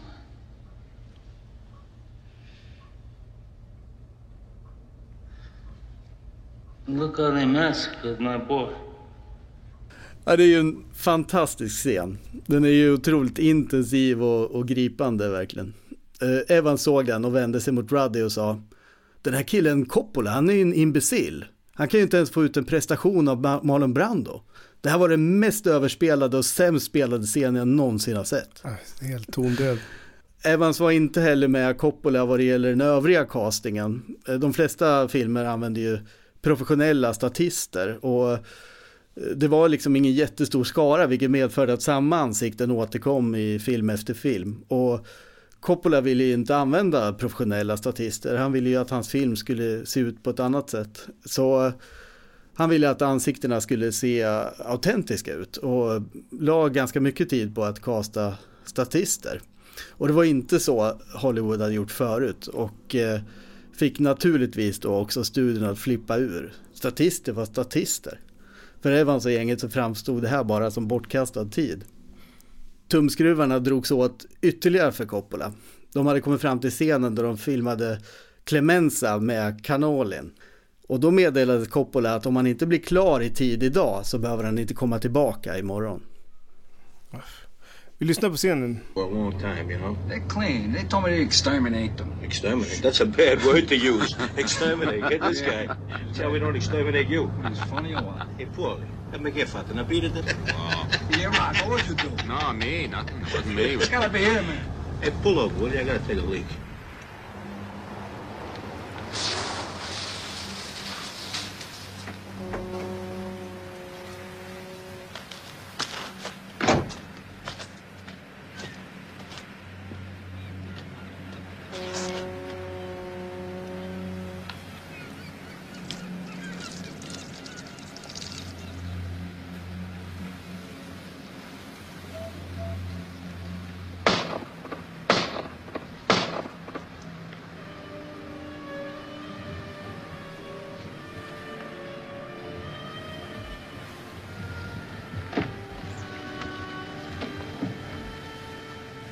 Leave the gun. Take the cannoli.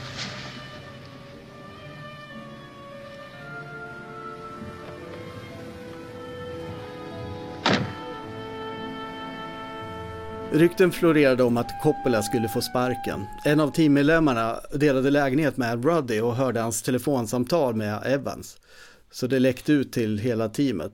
Och strax därefter så dök det plötsligt upp en annan regissör på plats. Och han var då inte en regiassistent, eh, eh, för det fanns ingen sån på Gudfadern. Utan det här var en andra regissör som följde Coppola runt på inspelningen. Han skulle finnas till hands då om Coppola skulle åka ut med väldigt kort varsel. Och det måste ju ha varit en otroligt märklig känsla för, för Coppola. Och trycket från studion satte sina spår. Han hade ständig ångest och gick omkring med känslan av att eh, inspelningen när som helst skulle kollapsa. Ingen, varken Coppola eller någon av skådespelarna visste om eller när de skulle få sparken. Det var bara att fortsätta att jobba och försöka få in så mycket film som möjligt i plåtburkarna som Coppola uttryckte det. Fan vilken press alltså. Ja, men eh, Coppola fick några dagars respit. För när det kom till krita så alltså ville varken Evans eller Jaffe vara den som sparkade honom. För det var nära in på Oscarsgalan. Coppola var Oscar-nominerad för manuset till Patton. Och ingen av dem ville vara den som sparkade en Oscarsvinnare. Den 15 april, lite drygt två veckor in på inspelningen, hölls Oscarsgalan då. Och Coppola var inte där för han prioriterade inspelningen. Men likväl så vann han faktiskt en Oscar och eh, det var ju viktigt för då fick han respit. Åtminstone tillfälligt så hade han lyckats klamra sig fast vid jobbet.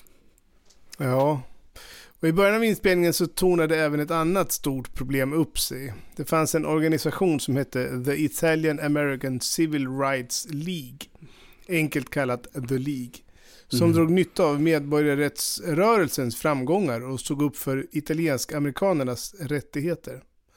Deras mission var att motverka rasism och ändra på den stereotypa synen av italienska amerikaner. Så fort du var framgångsrik som italienare fick du maffiastämpeln på dig, menade de. The League blev snabbt mäktiga. Den 11 juni 1970 hade de en första samling och då dök det upp 250 000 människor som ville visa att de stödde saken. Det är mycket folk du. Du, det är mycket folk. Det är typ som Västerås och Eskilstuna tillsammans. Ja. Det var en folkfest där folk från showbiz deltog och på det stora hela var det en trevlig atmosfär omkring i tillställningen. Mm. Men The League var rutten inuti kan man säga. Ja. För dess huvudman var Joe Colombo som också var ledare för Colombo-familjen, en av de här fem maffiadynastierna som regerade i USA och eh, New York. Och eh, genom The League då så hävdade han att det inte fanns någon Cosa Nostra i USA. Det var en myt. Den fanns i Italien men inte här. Colombo var en ganska lågmäld figur och framstod för allmänheten som en ganska vettig person. Och han eh, trodde på italienarnas rättigheter. Att han samtidigt utreddes för illegal spelverksamhet och korruption såg medlemmarna mellan fingrarna med. Joe Colombo och The League var inte förtjusta i att inspelningen av en ny maffiafilm pågick i deras kvarter. När Coppola och hans team kom till Little Italy för att reka inspelningsplatser var de inte beredda på den fientlighet som mötte dem. De möttes av demonstrationer och de fick problem med inspelningsplatserna. De gjorde upp att de skulle spela in i den och den lokalen och när de kom tillbaka hade inne, innehavarna ändrat sig. Och butiken fick klistermärken som de satte upp på sina skyltfönster för att markera att de tillhörde The League och därför inte var tillgängliga för Coppola och hans team. Allt detta innebar bakslag för inspelningen och att de blev försenade och i slutändan började få budgetproblem. Och teamet såg fler problem när de blickade framåt. Maffian kontrollerade även fackföreningarna och fick de dem emot sig skulle de inte kunna filma alls. Så kom hotsamtalen. Först till Robert Evans och sen även till hans fru, Ally McGraw. Så Evans ringde Ruddy och berättade att han var rädd på riktigt och att eh, Colombo inte alls hade velat eh, lyssna på hans förklaring. För Evans försökte förklara att Colombo hade ju missförstått det här. Det var ju inte Evans som var producent för den här filmen, det var ju Al Ruddy. Han verkade liksom inte reflektera över att det han säger till Ruddy är att han pekar på honom egentligen som ansvarig. Så eh, som svar då på Evans eh, bortförklaring sa Joe Colombo då, när vi dödar en orm så hugger vi av huvudet först. Evans beordrade Ruddy då att lösa problemet och åkte själv då tillsammans med Alan McGraw på semester till Bahamas. Skön chef att ha. Det får man säga. Joe Colombo decided to turn the League's discontent into direct action against the Godfather. The League is under God's eyes, and as long as it does good things, the League will get stronger and stronger. And those who go against the League will feel his sting. Så när Evans hade schappat då fick Al Ruddy ta emot hot via telefon. Och det var allvarliga hot, där en anonym röst sa att de skulle döda honom och hans familj om inte inspelningen stoppades. Och han blev förföljd vart han än åkte. En natt så sköt någon sönder alla fönsterrutorna på hans bil och lämnade en lapp med en uppmaning att avbryta inspelningen. Det, blir, det är så klyschigt eh, på många sätt men det måste ju vara en förjävlig situation faktiskt. Nej, men det är helt liksom... outhärdligt ju. Ja, verkligen. Otrolig stress att leva med. Al Ruddy då och eh, Gudfadern-teamet hade ju etablerat ett kontor hos eh, Gulf Western för att förbereda inspelningen. Och två gånger så fick de tömma hela byggnaden på grund av bombhot. Och det ska sättas då i sammanhanget att eh, det kring 1970 hade skett flera bombattacker runt om i USA. Svarta pantrarna hade bland annat bombat eh, shoppingcentrum och andra publika platser. Så The League drog liksom nytta av det här på samma sätt som de drog nytta av medborgarrättsrörelsen med hela sin verksamhet så att säga. Mm. Eh, det var ju verkligen eh, bombernas, vet du, de hem, hemgjorda bombernas tid det här. Mm. Vi lyssnar på Al Ruddy. When I, start, when I started on the project I was told by Stanley Jaffe that I have to come to New York and Charlie Bludorn, who owned Gulf and Western, had to approve the producer and the director. Right. I fly to New York, and I've worked on the weekend on the book trying to figure out 150 pages we could keep. So I go to Stanley's office with my suitcase, going to have lunch. This door flies open, this mad Austrian comes out. Hello, I'm Charlie Bluedorn. I said, hello, I'm Al Ruddy. The next line out of his mouth isn't, how was the flight? Ruddy, what do you want to do with this movie? I swear to God, you understand this. I looked at this neurotic. I said, if I ever touch that book, I'm out of this room.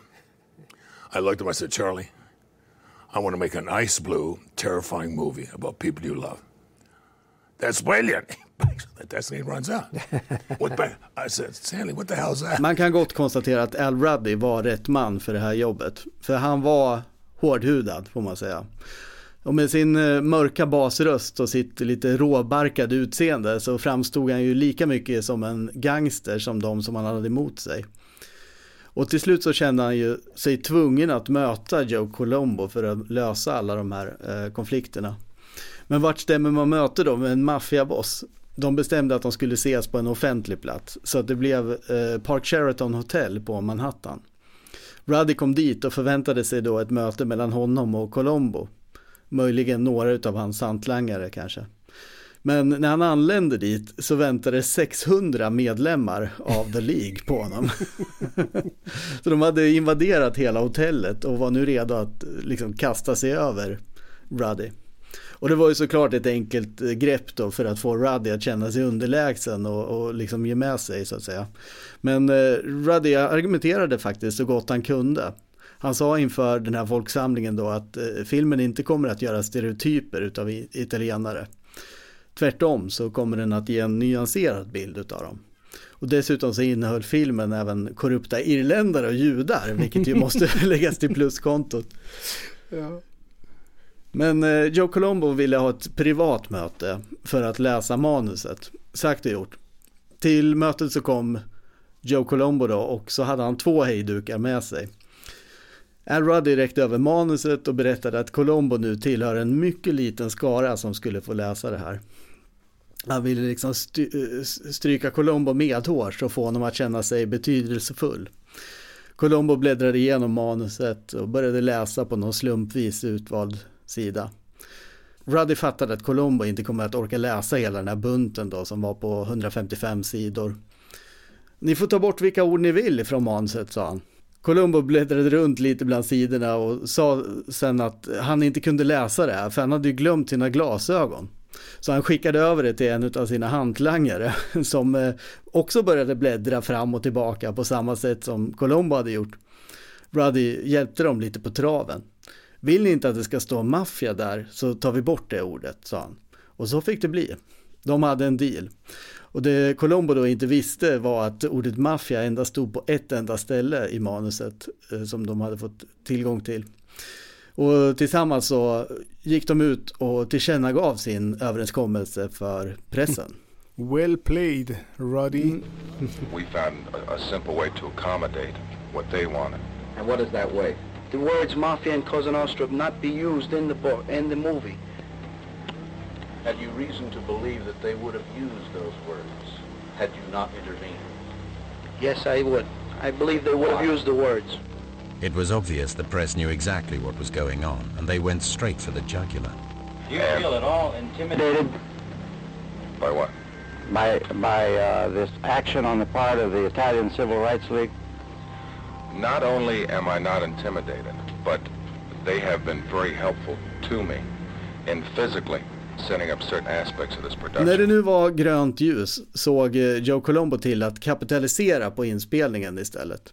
För nu så skulle Coppola och Ruddy få spela in i Little Italy. Men maffian skulle hova in intäkterna för inspelningen då. När dealen väl var gjord så hade filmteamet inte längre några problem med tillgängligheten. Ruddy var inte förberedd på de rubriker som mötet med pressen skulle skapa, för nyheten plockades upp överallt i media. Wall Street Journal skrev “Maffian har flyttat in i Gulfen Western” varpå Gulfen Westerns aktie störtdök. De förlorade miljarder över bara en natt. Besvärligt. ja. Charlie Bluedorn då var ju inte glad. Han skrek och gormade och krävde att få ett möte med Al Ruddy. Och när Ruddy kom dit så meddelades han att han hade fått sparken. Och det var en katastrof för Coppola. För utan Ruddy så skulle de inte få spela in i Little Italy. Han var ju deras representant mot maffian förstås. Så Coppola övertalade Blue Dorn att behålla Ruddy. Han sa om du vill få Gudfadern gjord så måste vi ha Al Ruddy i det här projektet. Så Bluedorn återanställde Ruddy med frasen om du någonsin pratar med media igen så stryper jag dig. Det var väl rimligt. Ja. Efter alla negativa rubriker så bestämde man sig för att inspelning skulle ske inför öppen ridå. Och det skulle ge dem lite positiv publicitet och det samlades många åskådare på gatorna i Little Italy. Och flera medlemmar av maffian var där och tittade på, bland annat när de spelade in scenen när Don Corleone blir nedskjuten på öppen gata. Maffiakillarna sa, så där går det inte till. De gjorde liksom narr av det de hade sett. Och gjorde teatrala gester och, och det här har faktiskt någon fångat med en stillbildskamera. Och det är otroligt eh, dråpliga scener. Och jag tänkte, de måste vi lägga ut på Facebook och Instagram. när de Ja. står gör sig roliga över Brando. Och maffiakillarna gick fram till Ruddy och sa Varför ser Brando så gammal ut? Och varför har han så solkiga kläder? Han måste inte se ut så där. Ge honom en silkeskostym åtminstone. och i ett café på andra sidan gatan så satt Carlo Gambino, huvudman för Gambino-familjen och ansedd som världens mäktigaste mafioso. Han var capo di tutti capi, alla bossarnas boss som vi pratade om i förra avsnittet. Och alla visste att han satt där så det låg en spänning i luften. Han var där för att övervaka inspelningen. Kommer han att ingripa på något sätt? Så fattade han beslutet. Låt det vara. Brando hade fått hans godkännande. Maffian hade förförts av Hollywood. Ja, gränsen mellan maffian och filmen Gudfadern var flytande. En statist som spelade fotograf i filmen var också The Leagues egen fotograf. Och det var fullt med mafiosos som statister i bröllopsscenen. Som resultatet av den deal som Ruddy hade gjort upp med Columbo. Och Lenny Montana, som spelade Luca Brasi, var inte bara en wrestler utan arbetade ju också för familjen Columbo. Ja, precis. Och det var ju Ruddy som föreslog honom för Coppola. Och Coppola tyckte att han med sin gangsterlook på 2 meter och 145 kilo var perfekt. Lenny hade i stort sett ingen erfarenhet alls av filmande och första scenen var mot tidernas största skådis då, Marlon Brando. Och Brando tyckte att eh, Montana var helt inkompetent och ville få honom sparkad ifrån filmen. Med all rätt, för Montana är kanske den sämsta skådis som jag har sett någon gång. Ja, eller den bästa. Det är ju det. Han skulle Eller ju också bästa. kunna vara... Det var- det är en Hur hårfin kan man skillnad. spela sådär liksom? Ja. ja. Och spela då mot Brando var ju inte lätt för de andra skådisarna, Pacino och Keaton och så vidare. Men för en eh, amatör som Montana så var det ju skräckinjagande. Och det var lustigt hur den här stora hårdingen eh, darrade som ett asplöv inför att spela mot, mot Brando då. Men eh, Coppola han utnyttjade ju det. Och det är väl det du menar Fredrik också. För han Mm. filmade ju Montana när han repeterade inför rollen och använde det materialet sen i filmen. Så att det ser ut som att Luca Brasi repeterar inför sitt möte då med Don Corleone. Ja. Och det passade ju ganska bra också då att, att, eh, att Lenny Montana var så nervös. För det, det är ju själva poängen i filmen också att han ska få möta den stora gudfadern. Ja, precis. Det är ju lite så här vad man skulle kunna kalla halvetiskt av Coppola. Att Ja. filma sina skådespelare. Det var det som Ja. Kubrick gjorde med, med George C. Scott va? Använde Ja, ja, precis, repetitionstag redan för. precis. Ja. Ja. Vi tar och lyssnar på det i alla fall. Yeah. When mobster Lenny Montana walked on set, Roddy knew he was perfect for the role.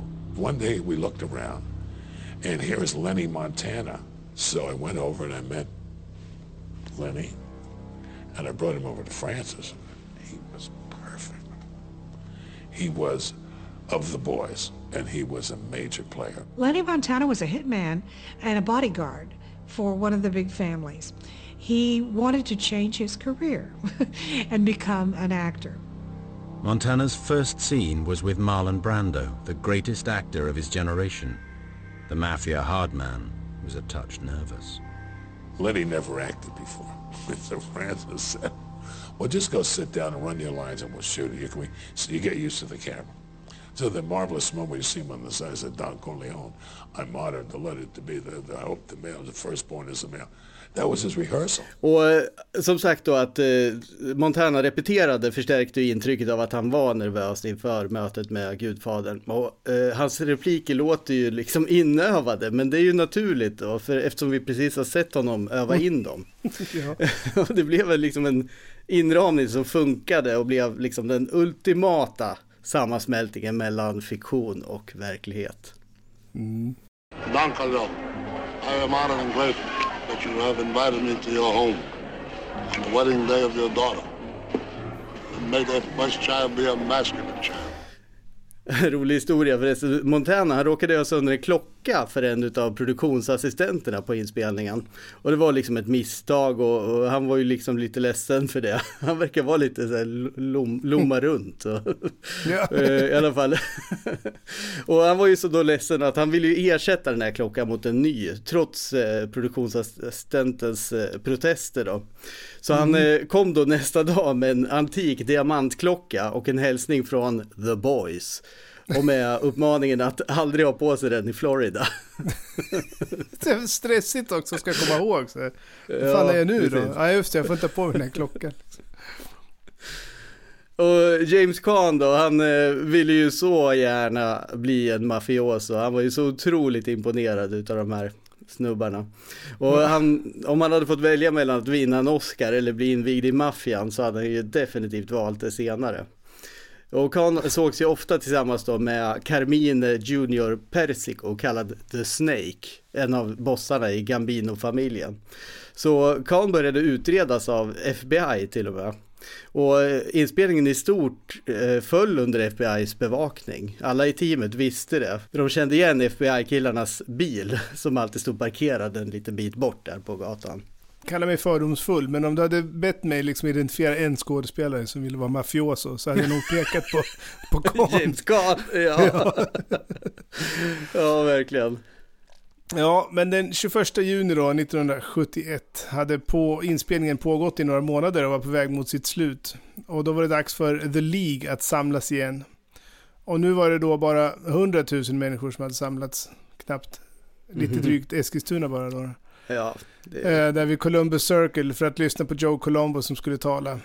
Och Ruddy, som nu hade blivit Colombos polare, skulle vara hedersgäst. Men han Mhm. fick kvällen innan ett anonymt telefonsamtal som sa att han eller någon annan i teamet inte under några omständigheter fick vara på Columbus Circle under morgondagen. Mhm. På Columbus Circle hade de riggat upp en konsertscen från vilken Joe Colombo skulle tala. Och fyra kvarter bort pågick inspelningen av Gudfadern. Plötsligt smällde det tre gånger och Colombo låg i en blodpöl på gatan nedanför scenen. Columbus arbete för The League och hans samarbete med Gudfadern-teamet hade fått de andra familjerna att tappa humöret. Colombo hade brutit tystnadslöftet om Märta. Han var en belastning och måste avsättas. Ett år efter avrättningen av Colombo hade The League splittrats, vilket var just vad maffian ville. Colombo hamnade i koma och dog sju år senare. Och det här var början på ett maffiakrig i New York. Den 7 april 1972 blev Crazy Joe Gallo, arkitekten för avrättningen av Colombo, själv avrättad i den italienska restaurangen Umbertos Clam House i Little Italy. Det är ju så lustigt det här för att, eller lustigt, vi, vi skämtar om det liksom halvt hela tiden och sen så på något sätt så är det verklighet. Alltså det, Men det är för att det känns så absurt liksom att det, att det bara, att de bara sprang kring och sköt varandra i full eh, offentlighet på det där sättet Ja, i verkligheten också. Parallellt med att de spelar in en film om det liksom helt Ja. bredvid. Det är ju, det är ju liksom för mycket. Jag kan Ja, förstå att de väljer att göra tio avsnitt. Eh, man har lust att göra en serie och en lång film om det. Liksom. Ja, verkligen. Ja, men med hotet då från The League avvärjt så fortsatte ändå problemet på, inspelningen. För Coppola hade hela tiden konflikter med huvudfotografen Gordon Willis. Willis tyckte att Coppola skapade kaos på inspelningen. Han hade varit med om den här situationen tidigare. När det är så här rörigt så måste viljestarka personer som han kliva in och se till att filmen blir gjord. Skön självbild. Mm. Jag känner igen den tycker jag.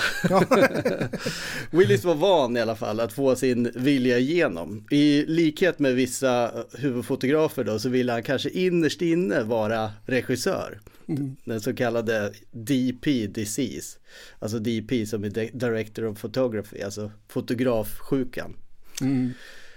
Han delade den här allmänna åsikten i teamet då om att eh, Coppola inte riktigt visste vad han höll på med. Det var svårt för Francis, för alla försökte dra ner byxorna på honom, sa Willis. Coppola var inte skolad i filmskapande på den här nivån. Han hade bara gjort en sorts on the road, running around kind of stuff. Som han uttryckte det. Jag vet inte vad det ska innebära men... Nej. Um, Willis själv då tyckte ju att han var som Hitler. Om uh, det var någon som försökte göra rätt saker för att få den här filmen gjord, så var det han. Men, alltså Han förlåt, var- alltså, jämförde han sig själv med Hitler som någon, i någon form av positiv? Ja, alltså, det, ja, alltså den här att Hitler, ordning och reda antar Han jag. fick saker liksom. gjort, ja, ja, byggde motorvägar och så vidare. Men ändå! Alltså. Men ändå, ja visst, det, det är ganska magstarkt, det får man säga. Ja. Willis var väldigt noga med då att skådespelarna skulle hålla sig till sina markeringar. Man har ju en liten tejpbit där man ska stå då. För om de missade dem så hamnade de helt i mörker och blev osynliga. Willis anklagade Coppola för att överge de här noggranna förberedelserna som de hade kommit överens om. Som Willis uttryckte det så kastade Coppola upp leken varje morgon när han kom till inspelningen för att se vart korten skulle falla. Willis ville planera och få saker att fungera genom disciplin. Francis attityd var mer, jag sätter eld på mina kläder och om jag når andra sidan av rummet så blir det spektakulärt. Man kan inte göra en hel film på det sättet, berättar Willis. Man kan inte hoppas på lyckliga tillfälligheter. Då får man en enda stor otäck olycka, menade han. Willis arbetade lugnt och metodiskt och hans sävlighet gjorde Coppola rasande och antagligen så utnyttjade det där också Willis. Och han tyckte att, eh, Coppola tyckte att Willis maskade och drog ut på saker i onödan. Coppola var ju satt på hård, under hård press från studion för att komma ifatt i inspelningsschemat. Mm. Och han tyckte att Willis eh, tog alldeles för lång tid på sig helt enkelt. Och Coppola var ju uppfostrad inom teatern. Han tänkte inte bakbinda sina skådespelare för att göra någon fotograf nöjd. Willis hatar skådespelare, menade Coppola. Han vansköter dem. De är inte mekaniker, de är konstnärer. Gordy uppträdde som en amerikansk fotbollsspelare som satt fast med ett gäng bögiga skådisar, menade han. Det är väl det man kallar en ganska klassisk eh, kulturkrock va? Det får man säga. Ja, Martin Scorsese kom förbi när Coppola spelade in Vitos begravning, slutet på ettan då. Och han såg ju hur Coppola satt på en av gravarna på kyrkogården och såg bedrövad ut. Och plötsligt började han gråta. Saker ställdes till sin spets med Willis en dag när Pacino under inspelningen tog fel väg i en korridor i Corleones hus och hamnade helt i mörker. Och han hade hamnat i en del av kuliss, kulisserna då som inte hade ljusats förstås. Coppola undrar varför den här kulissen inte var ljusat. Varför kan inte hans skådisar ha friheten att gå vart de vill? Willis stod gladeligen i positionen som den pragmatiska och rationella utav de två. Okej, okay, sa han. Men då måste jag sätta om ljuset nu då, och det kommer att ta ett tag. Coppola blev vansinnig och skrek, jag vill spela in nu! Klassisk Eh, Moget. ja. Willis var så arg så att han lämnade inspelningsplatsen och låste in sig i sin husvagn och väg vägrade att komma ut. Coppola tittade på kameraassistenten som heter Chapman och sa jag vill att någon tar över kameran nu direkt. Varpå Chapman sprang in på toaletten och låste dörren om sig. Coppola insåg att eh, han inte skulle få någon i Willis team att lyfta ett finger. Så han skrek, varför låter de inte mig göra min film? Och så marscherade han upp till sitt kontor och slog igen dörren med en smäll. Och så gick han loss på den här ståldörren med sparkar och slag. Det lät som pistolskott och assistenten Fred Gallo tänkte, herregud, nu sköt han sig själv. Otroligt frustrerande. Alltså, ah, han måste ju ha känt sig som den mest, den ensammaste människan i, i Ja världen. men verkligen, alla liksom var på honom från Ja, alla utom håll. skådisarna liksom. då kanske. Ja, det var väl de enda vars rygg han hade liksom. Ja. Usch. Ja, det, det, det här måste ha varit en riktig, riktig mardröm och det har jag ju själv sagt också. Ja, jag läste för övrigt att eh, hans syster eh, tyckte det var så smärtsamt att se honom under inspelningen att hon faktiskt hade önskat att hon inte var med. För att hon tyckte att det var så hårt liksom att se hur han slets ner. Bröts ner, ja. Ja, ja. att det var liksom, det var inget kul att vara vittne till eh, ett Nej. förfall på det sättet som, som hon upplevde att, att det var från honom. Nej. Ja, spänningen mellan Coppola och Willis visade sig dock vara kreativ. Willis var bra på att rama in tagningarna och Coppola var ju bra på att skriva dialog, berätta historier och jobba med skådespelarna. Så han lät bildkompositionen helt enkelt vara, så fick Willis göra som han ville lite grann.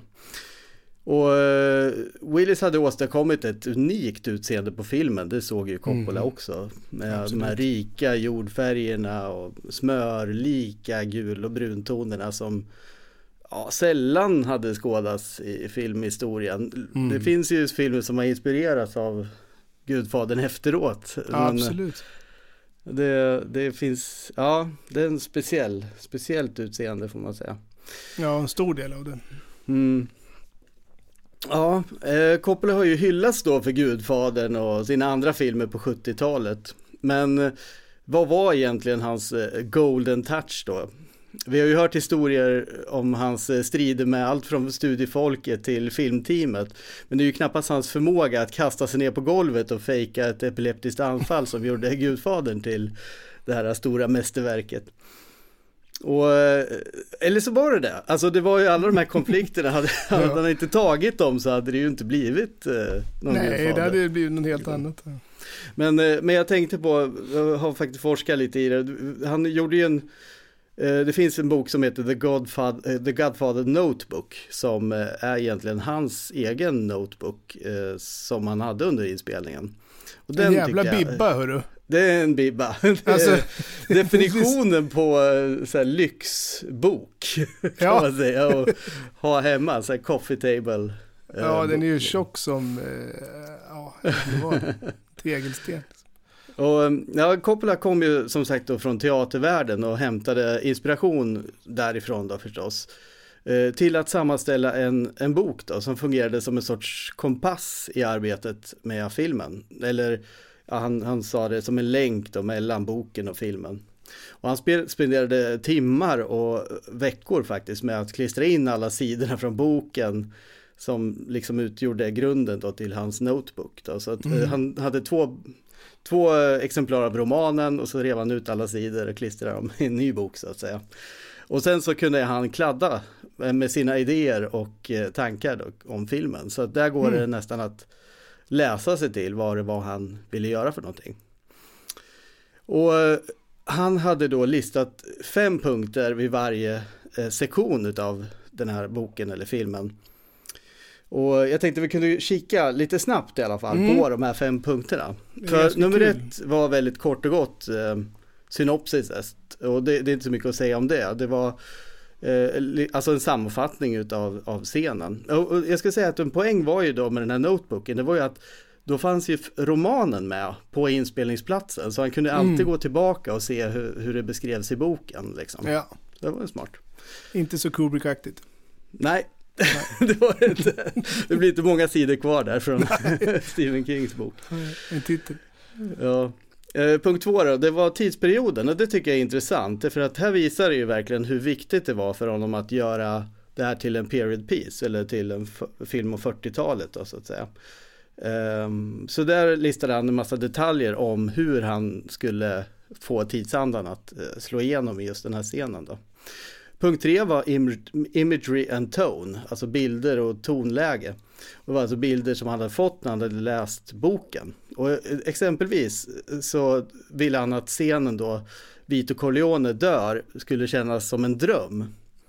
Mm. Och att det skulle vara som i Italien. Och man får ju inte känslan av att man är i New York längre när man, när man ser den scenen. Nej, liksom. det skulle ju verkligen kunna vara, nej visst. Det, det... det, det är Sicilien liksom. Ja, och det är ju så när man, eh, när man regregerar och dör, att då är det väl till barndomen liksom. Ja. Och sen så den viktigaste punkten skulle jag säga, eh, eh punkt fyra då, som man kallar för core, alltså scenens kärna. Och det här var hämtat ifrån Elia Kassans regimetod. Vi har ju nämnt Kazan då flera gånger i det här avsnittet nu. Det är lustigt att det blir sådär ibland. Det var det flera gånger i andra avsnitt också. Men, mm. men eh, förutom då att Kazan då var Brandos regissör framförallt. Eh, så var, var, han ju en stor inspirationskälla till, till Coppola. För Coppola gillar ju att arbeta med skådespelare och han menade att Kazan var den största skådespelarregissören helt enkelt. Och det, Mm, mm.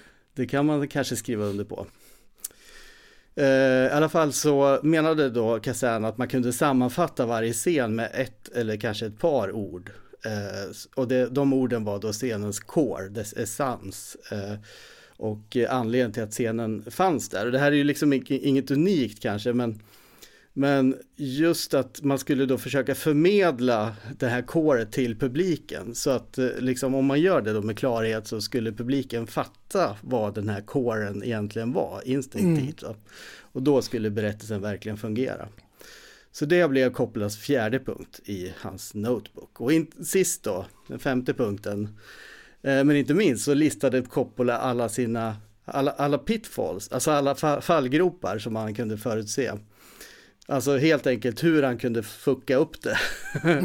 som han, han, han sa det, som, saker som jag senare skulle bitch about eller gnälla över när jag såg den färdiga filmen. ja, så det är när det blåst, ja förlåt. Nej men förlåt, det, det är ju spännande där att han liksom gör nästan som ett koncept i fem punkter för hur han ska lyckas med filmen. Ja. Och det är väldigt kul att, att titta på tycker jag så här efteråt. Ett, eh, ja, hur hans metod var, för det säger ju väldigt mycket om hur han jobbade som regissör. Ja, verkligen. Och, och inte minst att han, han vill ju själv framhäva det här liksom. Det här var hans, hans bok, det var hans grej. Det Ja. var det, så här han gjorde filmen. Så, och som sagt, när det blåste kring projektet, vilket det gjorde hela tiden, så var, Ja. var den här notebooken det som man kunde hålla fast vid. För han gjorde det, det är ganska roligt också, för allting det här började med att eh, han satte sig på, han var ju liksom 29-30 år gammal Mm. när, när allt projektet drog igång. Så han satte sig på ett café och klippte ut de här sidorna och klistrade och höll på liksom. Och så tittade han på massa vackra flickor runt omkring och liksom, det, det var ju liksom hans lugna början på allt det här liksom. och sen så bara tog det fart. Så det var ett par veckor där han hade det Ja. riktigt bra, men sen blev det bara skit liksom. Sen blev det bara skit, ja. Ja, jag tänkte vi kunde lyssna på lite grann ur, ur den här uh, The Godfather Notebook då. Ehm, och det här är den centrala scenen när Michael ska döda Solozzo och det är ju Coppola vi lyssnar på. Scene 26 Michael picked up by Solozzo and the killing. Parenthesis, key scene, and parenthesis. 1. Synopsis Michael waits on a deserted street as per the arrangement. On schedule, a car pulls up and he joins McCluskey and Solozzo. Solozzo tells him he is really sorry about what has happened and hopes he can make his peace with Mike. McCluskey also apologizes. They are very sympathetic. As the car continues on, it heads out over the Washington Bridge to New Jersey, when we all know the meeting is supposed to be in New York. Michael is frightened that there was a slip up, but mid bridge the car jumps over the divider and it becomes clear that this was just a diversionary tactic to throw off any possible tails. They arrive at the known meeting spot. They enter, beginning the discussion, when, as planned, Michael gets the gun from the John, comes out, and kills the two. He gets into the waiting car, parentheses, Tessio, and disappears. 2. The Times. The car, fragments of the night. The restaurant itself, a jukebox? 3. Tone and imagery. Incredible suspense and tension. Image of the car jumping the divider. The empty restaurant with the three men almost in the middle of the room around a small round table exposed. Tremendous detail slowing time down. Solozzo and McCluskey sympathetic and reasonable. The blood on the waiter's jacket. The mist of blood hanging in and coloring the air. Design this scene shot for shot, even drawing it if necessary. Having Michael do the thing a little differently than Clemenza's step by step instructions, thereby scaring the audience that he's not going to follow instructions.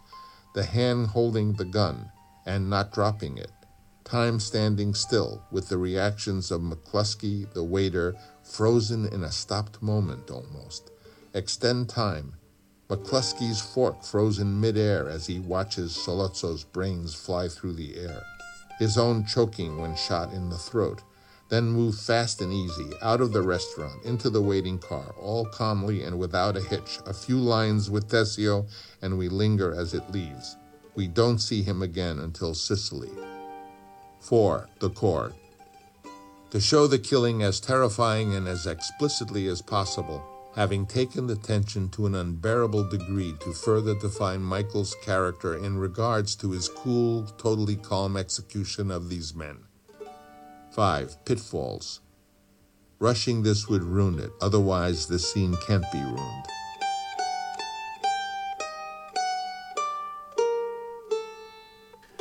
Ett av Coppolas stora bidrag till filmen var ju arbetet med skådespelarna. Och vi har ju nämnt eh, Pacino, Khan och Brando, alltså grabbarna. Men eh, Diane Keaton gör ju också faktiskt en fantastisk roll som Kay, Michaels flickvän. Mm. Coppola hade sett Keaton i filmen Lovers and Other Strangers som hennes debutfilm. Och han blev direkt attraherad av henne. Han tyckte att hon var så excentrisk och konstig i sin leverans. Att hon skulle kunna ge liv till Kay som annars skulle kunna vara en ganska tråkig figur. Mm. Och hon är ju väldigt quirky och uh, har ju en jäkla humoristisk timing. Det var ju det som Mm. hon byggde sin karriär senare på. Liksom. Så kan, det var ju bra sett av honom redan, redan i den filmen att se att Ja, hon det hade får den man säga. potentialen. Verkligen. Ja. Diane Keaton växte upp i LA, men eh, skådespelet gjorde att hon flyttade till New York och hon har ju det gemensamt som vi var inne på förut då med både Kahn och Duval att hon också har studerat hos Sandy Meisner på hans erkända Neighborhood House, Neighborhood Playhouse. Och som sagt, det var ju de humoristiska rollerna som gav henne genombrottet. Alltså Woody Allen Mm. castade henne lite motvilligt eftersom hon är fem centimeter längre än honom till eh, Play It Again Sam. Och deras karriär fortsatte ju. Eh, De gjorde ju väldigt mycket ihop ända fram till Mm. 93 tror jag de har jobbat ihop. Eh, Jag tror att det... Han och hennes Eh, systrar. och de här Ja, men Mr. Murder, Manhattan Murder Mystery tror jag är den sista filmen de har gjort tillsammans. Ja, okej. Mm. Eh, Men det är ett väldigt långt samarbete och de var även ett par under perioder. Mm.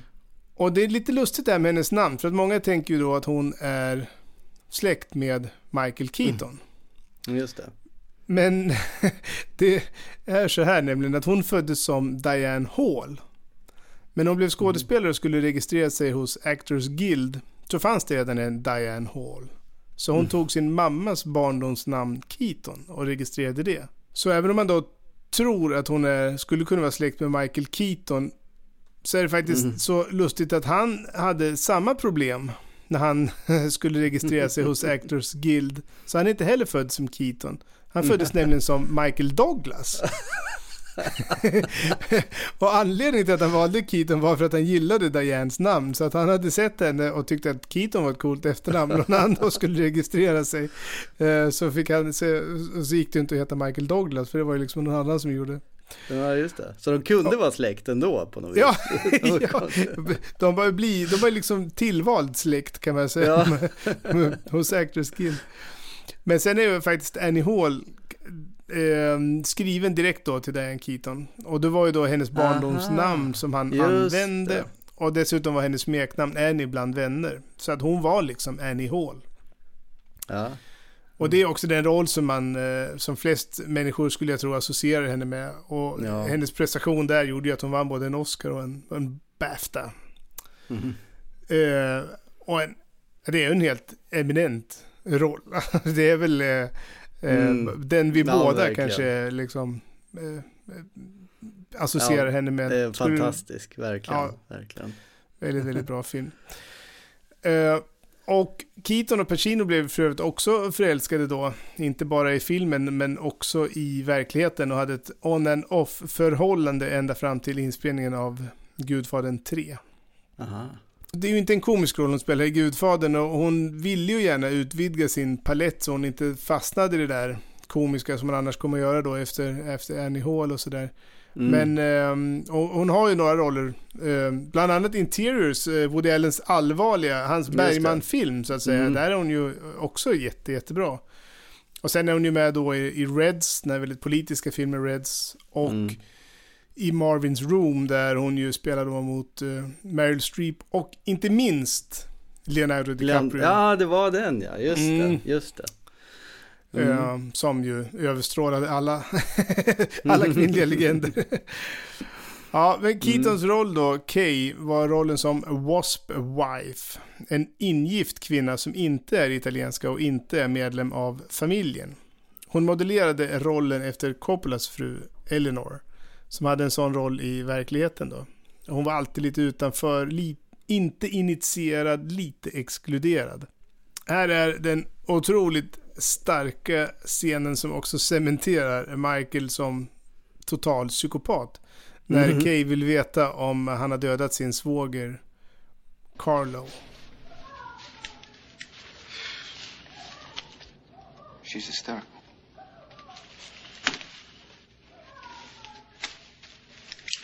Hysterical. Michael, is it true? Don't ask me about my business, Kate. Is it true? Don't ask me about my business. No.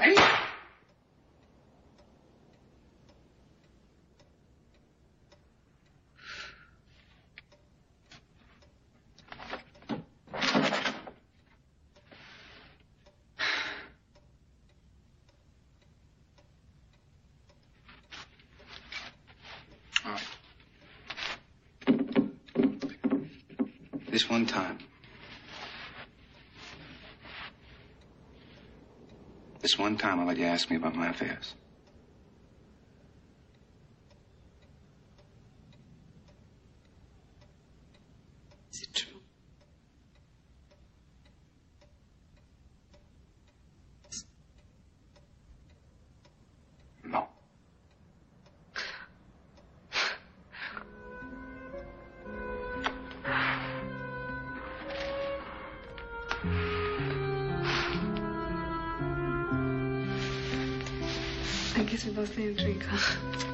Coppola sammankallade familjen Corleone innan inspelningen.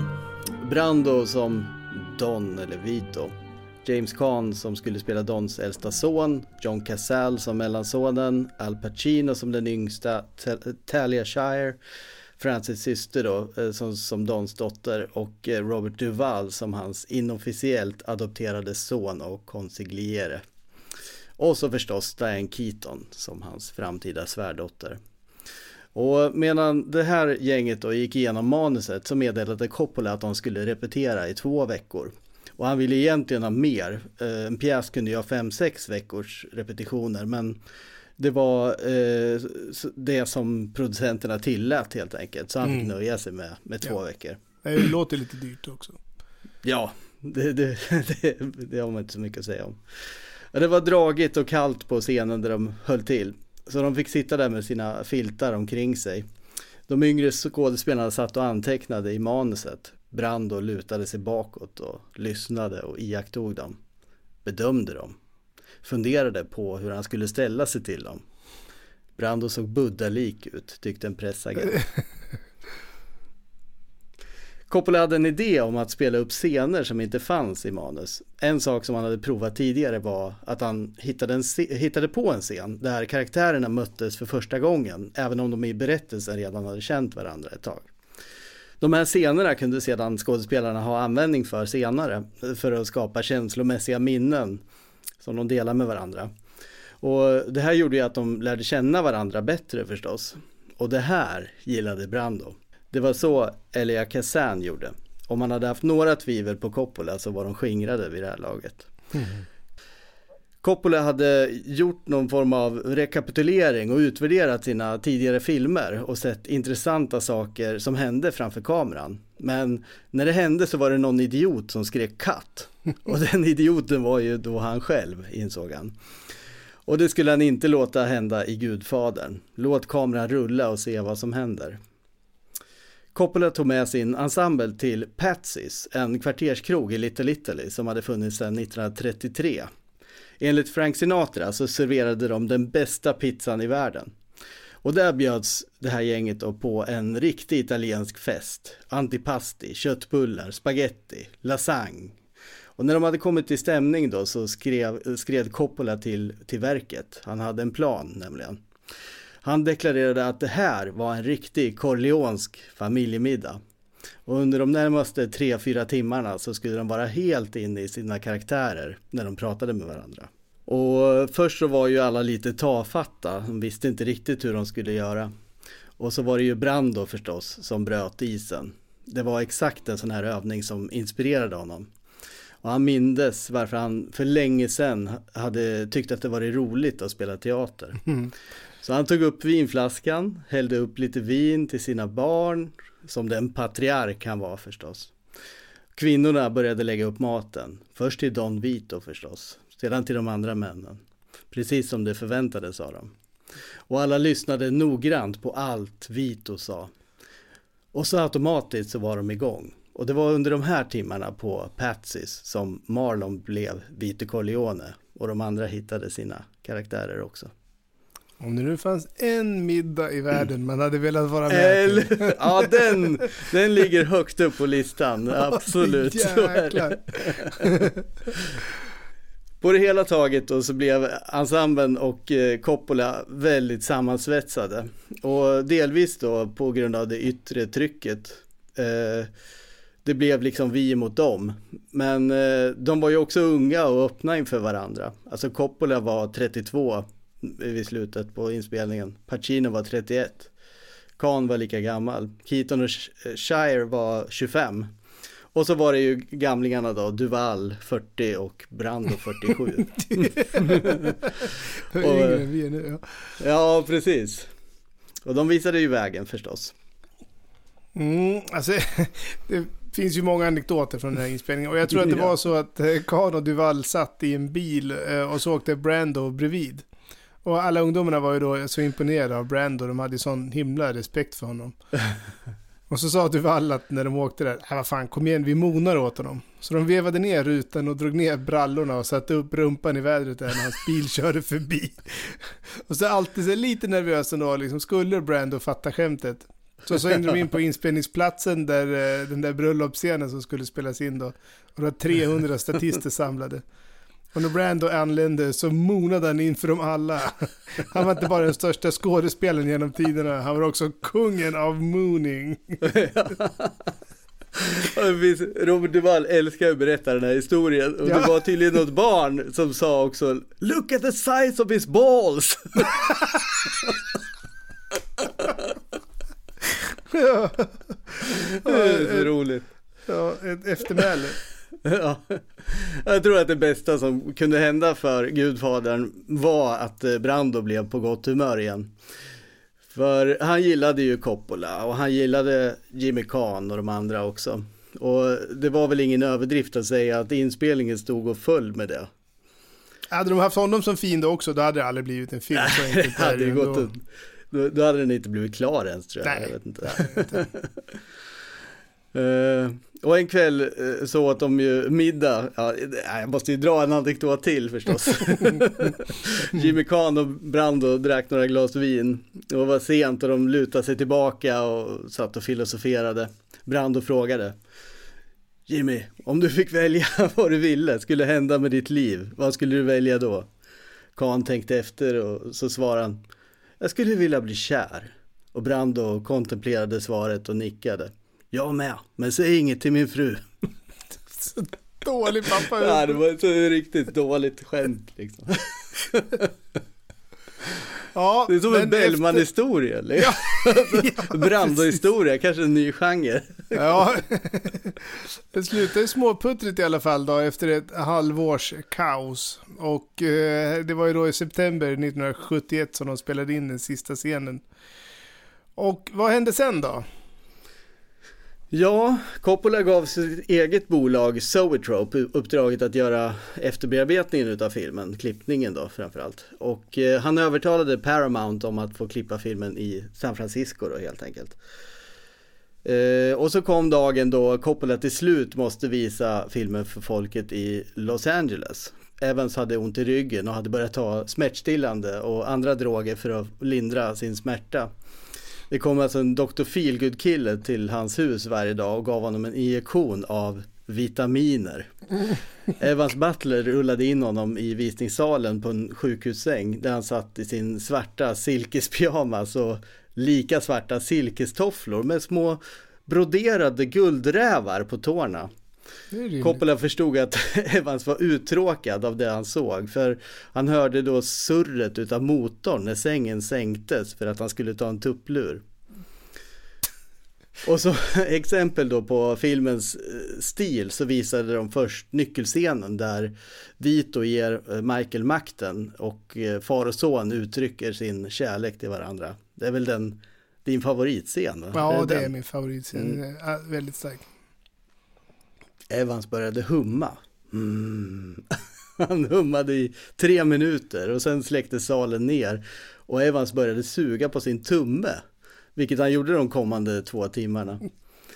Coppolas klippare tänkte, om den här killen kör en studio så måste den här branschen ha stora, stora problem. Ja, rätt. Ja, dealen var att eh, Coppola skulle klippa då filmen i San Francisco men Evans hade varnat honom att han skulle ta filmen ifrån honom om den översteg två timmar och 15 minuter. Och när Coppola var klar med klippningen var filmen två timmar och 51 minuter. Det vill säga en halvtimme drygt längre än vad de hade kommit överens om. Så för att blidka Evans och inte få filmen slutförd i Los Angeles så tajtade de till den. De klippte bort allt som inte var handling och så kom de ner till två timmar och 20 minuter. Och det var den versionen som de nu visade för Evans. Och här efter finns det lika många versioner av vad som hände i det där visningsrummet som det fanns människor i det. Som sagt, Ja. en succé har många fäder, misslyckanden har inga. Enligt eh, Coppola så ville Evans ha ett privat möte efter honom, eh, med honom efter visningen, vilket det, det, det här kan ju båda intyga i alla fall. Filmen stinker, sa Evans. Du spelade in en fantastisk film, var är den? Evans använde det som ett argument då för att ta filmen till Los Angeles, menade Coppola. Och det var uppenbart för Coppola att oavsett hur lång filmen var så skulle Evans ta den till Los Angeles, där han kunde ha kontroll över arbetet förstås. Mm. Så Coppola stoppade tillbaka allt material som de hade klippt bort och visade filmen igen då för Evans. Ser du, är den bättre nu? Evans sa, ja, nu är den bättre. Men Evans version var eh, lite annorlunda. Han sa, du spelade in en kanonfilm grabben, var är den? Är den i köket med all spaghetti? För den är inte här på duken i alla fall.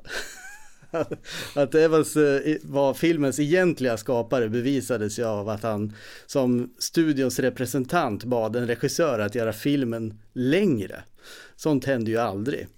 Men Evans hade fingertoppskänsla. Enligt honom så sa han Du filmade en familjesaga grabben, men du gav mig en trailer. Stick iväg nu och gör en film åt mig.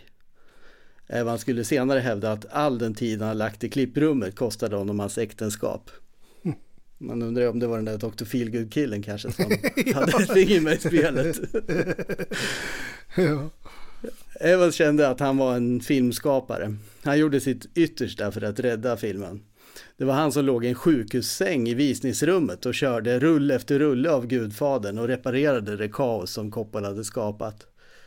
Man kan ju ha åsikter om det, men Evans gjorde faktiskt nytta genom att han stödde tre timmars versionen och eh, bedrev samtidigt då lobbyverksamhet inför ledning på Paramount för att skjuta upp releasedatumet då, så att eh, Coppola skulle få tid att slutföra sitt arbete. Så som någon form av studiorepresentant så gjorde han nytta, men, men jag tror inte att han skulle ge sig in i någon form av kreativ verksamhet.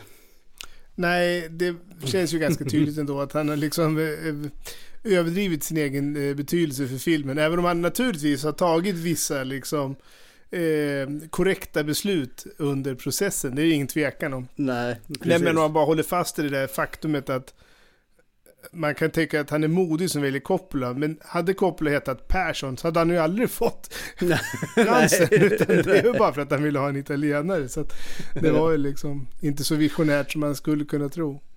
Ja. Och det fanns ju inte heller någon som trodde att Coppola hade föredragit den här kortare versionen, liksom att det var han som ville att den skulle vara kort. Men Evans ville ju sprida myten om att det var han som hade gjort Gudfadern. Ja. Evans claimande fortsätter att vara en schism mellan de båda över åren. Mm. Och 1983, 11 år senare, var de åter i luven på varandra. Den här gången grälade de om Coppolas The Cotton Club.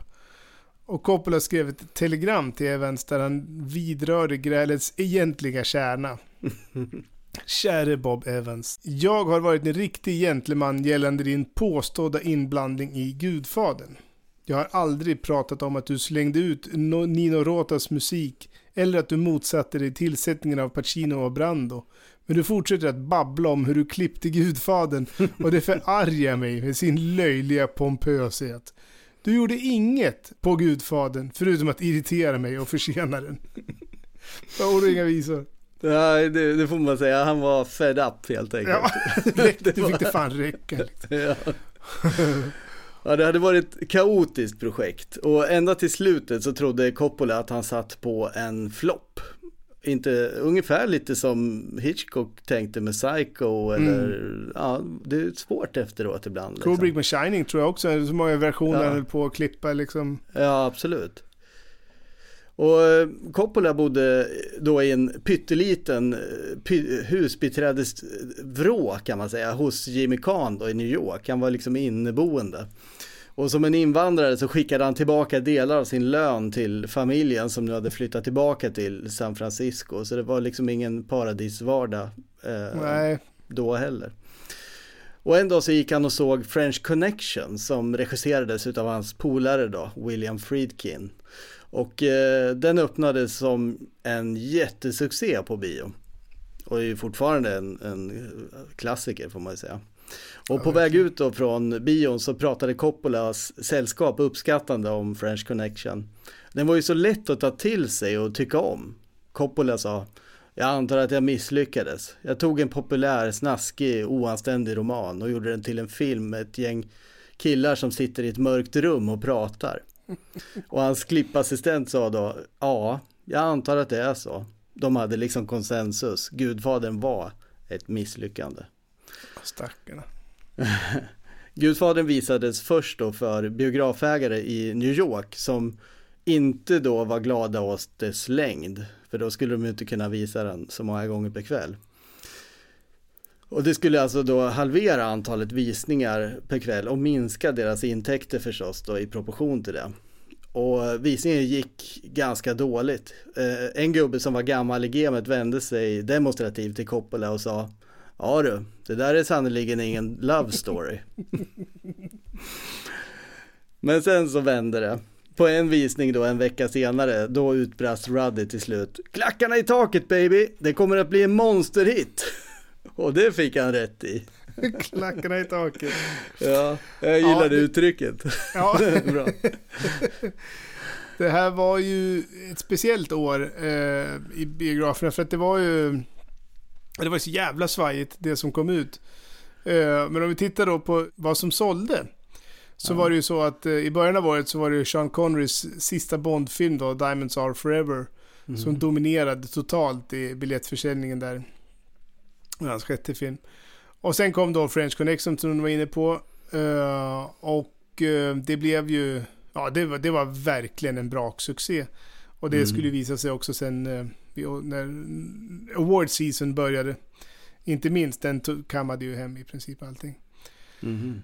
Och sen kom i februari då, då kom både Dirty Harry, som Mm. väl kanske inte är en klassiker för att det är världens bästa film. Men Nej, det är väl lite är ju- mer, ja, det är Ja. mer en kultupplevelse liksom. Absolut. Eller inte kult, nu, missanvänd, nu, nu använder jag det uttrycket helt fel. Men en charmig klassiker kan man väl säga. Ja. Ja, och sen då The Last Picture Show som ju är en kvalitetsklassiker. Ja, man det är en otroligt bra film. Ja, väldigt, väldigt bra film. Och eh, Cabaret kom också i februari. Mhm. Så att det fanns ju år. Mm. ganska mycket bra film att gå och se på bio där i början av året.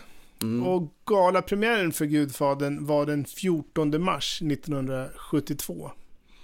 Och tidigare hade filmen som översteg två och en halv timme en paus i mitten. Och Gudfadern var anpassad för det, för den var inspelad och klippt för en paus. Just efter mordet på Solozzo. Och den andra delen skulle inledas med montaget som följer, som skulle hjälpa åskådaren in i filmen igen.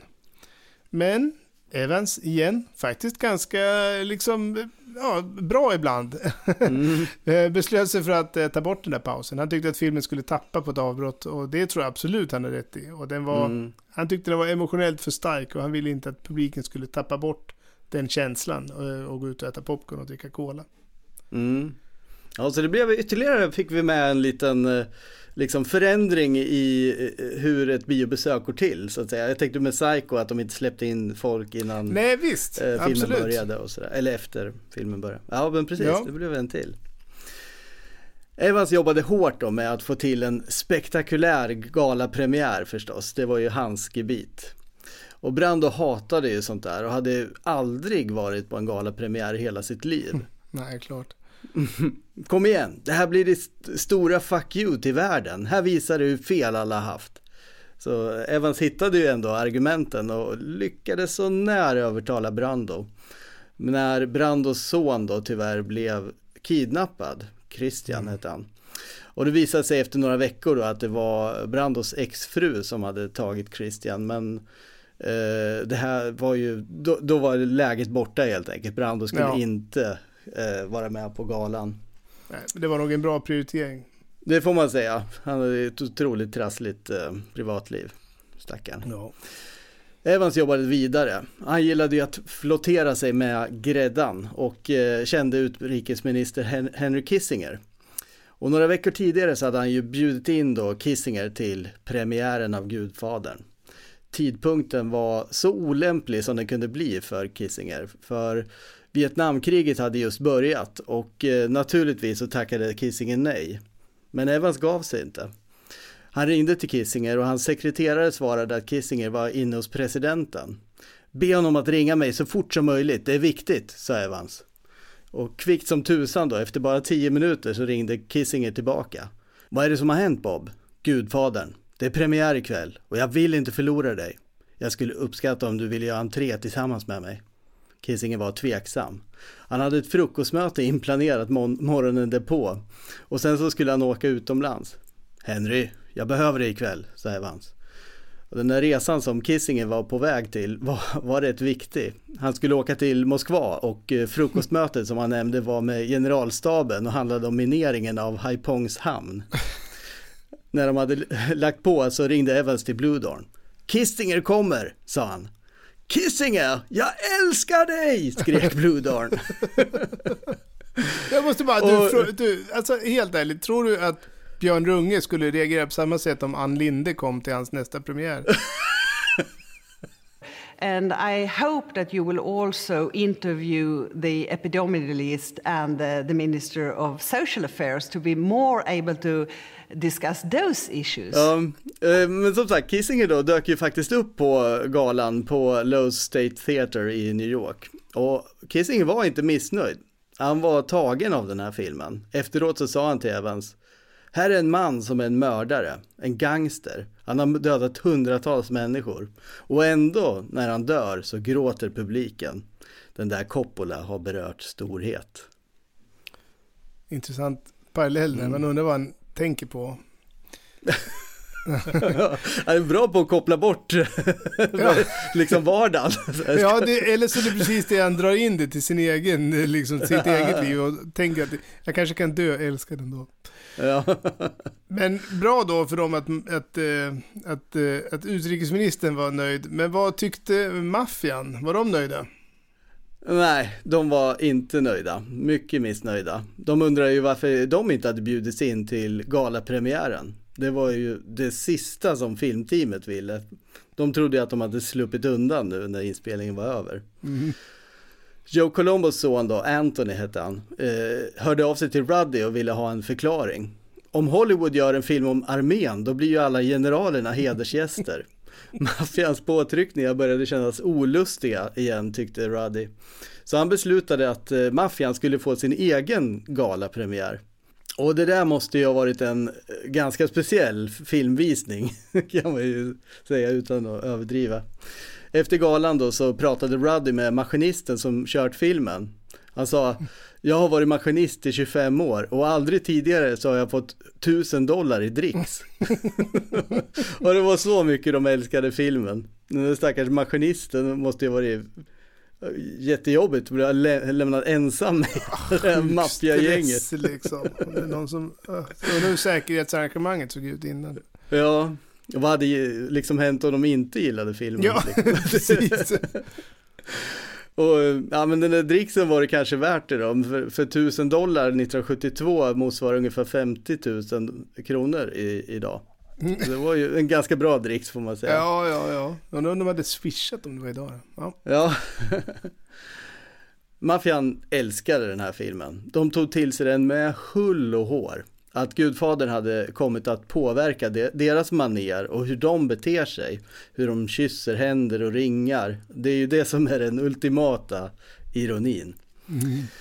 Och Nino Rotas ledmotiv till filmen blev ju också då ledmotivet till maffian i stort. Maffian tyckte att Gudfadern legitimerade dem. Och det gillade ju inte Coppola, men det var ju inte så mycket han kunde göra åt den saken. Filmen var den första stora filmen på 1970-talet som verkligen gjorde succé. Publiken strömmade åter till biograferna. Och det blev den största publiksuccén sedan Borta med vinden, 30 år tidigare. Publiken som levde i en omtumlande värld med opportunistiska ledare som Nixon och McCarthy och där folk eh, som försöker göra gott avrättas på gatorna. En värld där unga män skickas iväg för att döda kvinnor och barn. De förtrollades av berättelsen om Don Corleone som representerade en förfinad värld. En man av anor och traditioner och som skapar, skipar rättvisa för de sina. Jag tänker på den här historien om dödgrävaren i början av filmen som vars Mm. dotter har misshandlats och våldtagits och eh, rättssystemet och polisen gör ingenting. Och vad gör man då? Han går till en rättskaffens person som Don Corleone för att få vi- rättvisa skipad. Mm, det är ju filmens öppningsscen du refererar till och vi kan väl lyssna på hur det låter i filmen. Mm. Buonasera. Buonasera. What have I ever done to make you treat me so disrespectfully? If you'd come to me in friendship, then the scum that ruined your daughter would be suffering this very day. And if by chance an honest man like yourself should make enemies, then he would become my enemies. And then they would fear you. En av dem som såg filmen var Steven Spielberg som just regisserat sin första långfilm Duellen. Han hade dubbla känslor för Gudfadern. Den imponerade på honom så mycket att han fick en känsla av hopplöshet. Han sa, jag kände att jag borde sluta göra film. Jag skulle aldrig uppnå den nivå av självförtroende och förmåga att berätta en sån här historia. Den splittrade mitt självförtroende. Mm. Ja, alltså jag vet inte vad man ska säga om eh, Gudfadern som vi inte redan har sagt men eh, det, eh, jag är lite inne på det här som Kissinger menade också att de här de mest eh, känslomässiga scenerna i Gudfadern alltså det är ju, det är ju gangsters som, som har dem så vi, vi får ju liksom verkligen leva oss in i deras känsloliv får man Mm. säga. Det är väl det som man eh, gör att man attraheras utav själva berättelsen också. Mm, det tror jag. Vi var ju inne på musiken i första avsnittet och eh, jag tror att en väldigt stor del av filmens succé är just Nina Rotas, Nino Rotas musik. För det är ju Mm. liksom själva definitionen på ljudet av Italien. Mm. Han var Fellinis mest uppskattade och närmaste medarbetare. Hade gjort musiken till de flesta av hans filmer här. Och det var ju också Rotas musik som följde Fellini i graven vid bisättningen. Rent Mm. fysiskt så stod de och spelade hans musik på trumpeten när han sänktes ner. Och hans musik Men- då till filmerna La Strada och inte minst 8,5 är ju själva definitionen på italiensk film. Mm, jag tänker faktiskt ofta på La Strada när jag hör eh, Gudfadern liksom soundtrack. De har lite samma, det är den här Mm. ensamma trumpeten också. Ja, precis. Liksom. Ja, Mm. jag tror faktiskt för övrigt att det var just precis det stycket som spelades vid Fellinis begravning. Ah. För det var också en ensam trumpet från eh, hans filmer då. Mm. Rota skulle ju komma att göra musik till 150 filmer under sin karriär och komponerade även till scenkonst. Så lat var han i alla fall inte. Nej, det får man inte säga. och det är väl ingen överdrift att kalla honom för en av världens mest inflytelserika filmkompositörer. Och eh, musiken till Gudfadern har korats till världens femte bästa soundtrack, alltså alla dessa listor. Men det är ju, ibland är det ju lite roligt. och inte minst för att man kan ju bli lite förbannad då. Då måste Eh, du ju säga vilken var som, vem var nummer ett? Eller Ja, vilken gissa. Var, Eh, bästa soundtrack. Alltså det beror ju på också vilka som... Ja, det där är American Såklart, Film Institute. såklart. American Film Ja, men, Institute, om man säger så. Ja, det kanske Star Wars kanske. Bra! Var det det? Du har rätt! ja. Star Wars. Borta med vinden, Lawrence of Arabia och Psycho Ah, ligger före okej. Gudfadern. Det är de enda som ligger före. Mhm. Det var bra, det tycker jag var imponerande faktiskt. Men vi ska ju kort nämna också att han hade använt ett av eh, filmens teman i en italiensk komedi vid namn Fortunella. Och jag tycker bara Mm. snabbt att vi ska lyssna på den för det är ganska roligt att höra hur olika den låter här och i Gudfadern. Mm. Så om Gudfadern hade varit en komedi, då hade Ja, det då låtit så hade här. det låtit så här.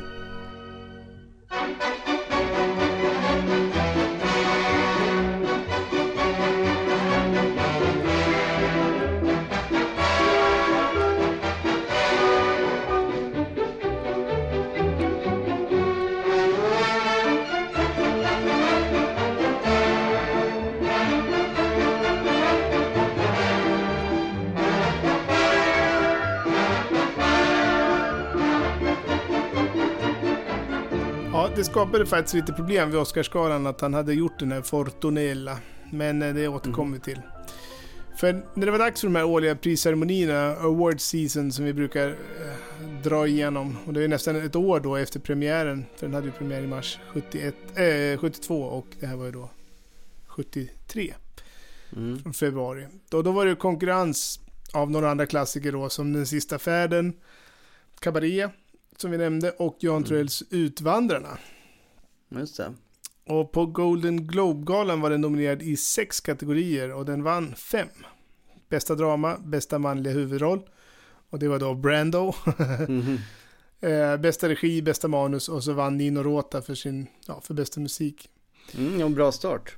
Det var en bra början och det Mhm. var ju då mot Evans eh, vilja, höll jag på att säga. Han hade ju inte velat ha honom. Men på Golden Globe-galan så kom inte Brando för att ta emot sitt pris som bästa skådespelare. Han gillar inte sådana där tillställ tillställningar överhuvudtaget. Men det var inte så uppseendeväckande. För det var flera andra som inte gjorde det heller. Mario Puzo var inte där och inte heller Liv Ullman. Bästa kvinnliga skådespelare i ett drama för, då, för rollen i Utvandrarna. Mm. För övrigt lite lustigt att eh, det var just det här året som Utvandrarna kom. Eh, när vi nu har varit inne på de där stora folkförflyttningarna. Ja, precis. Vi var ju Ja. där i förra avsnittet ja. ja. Ja.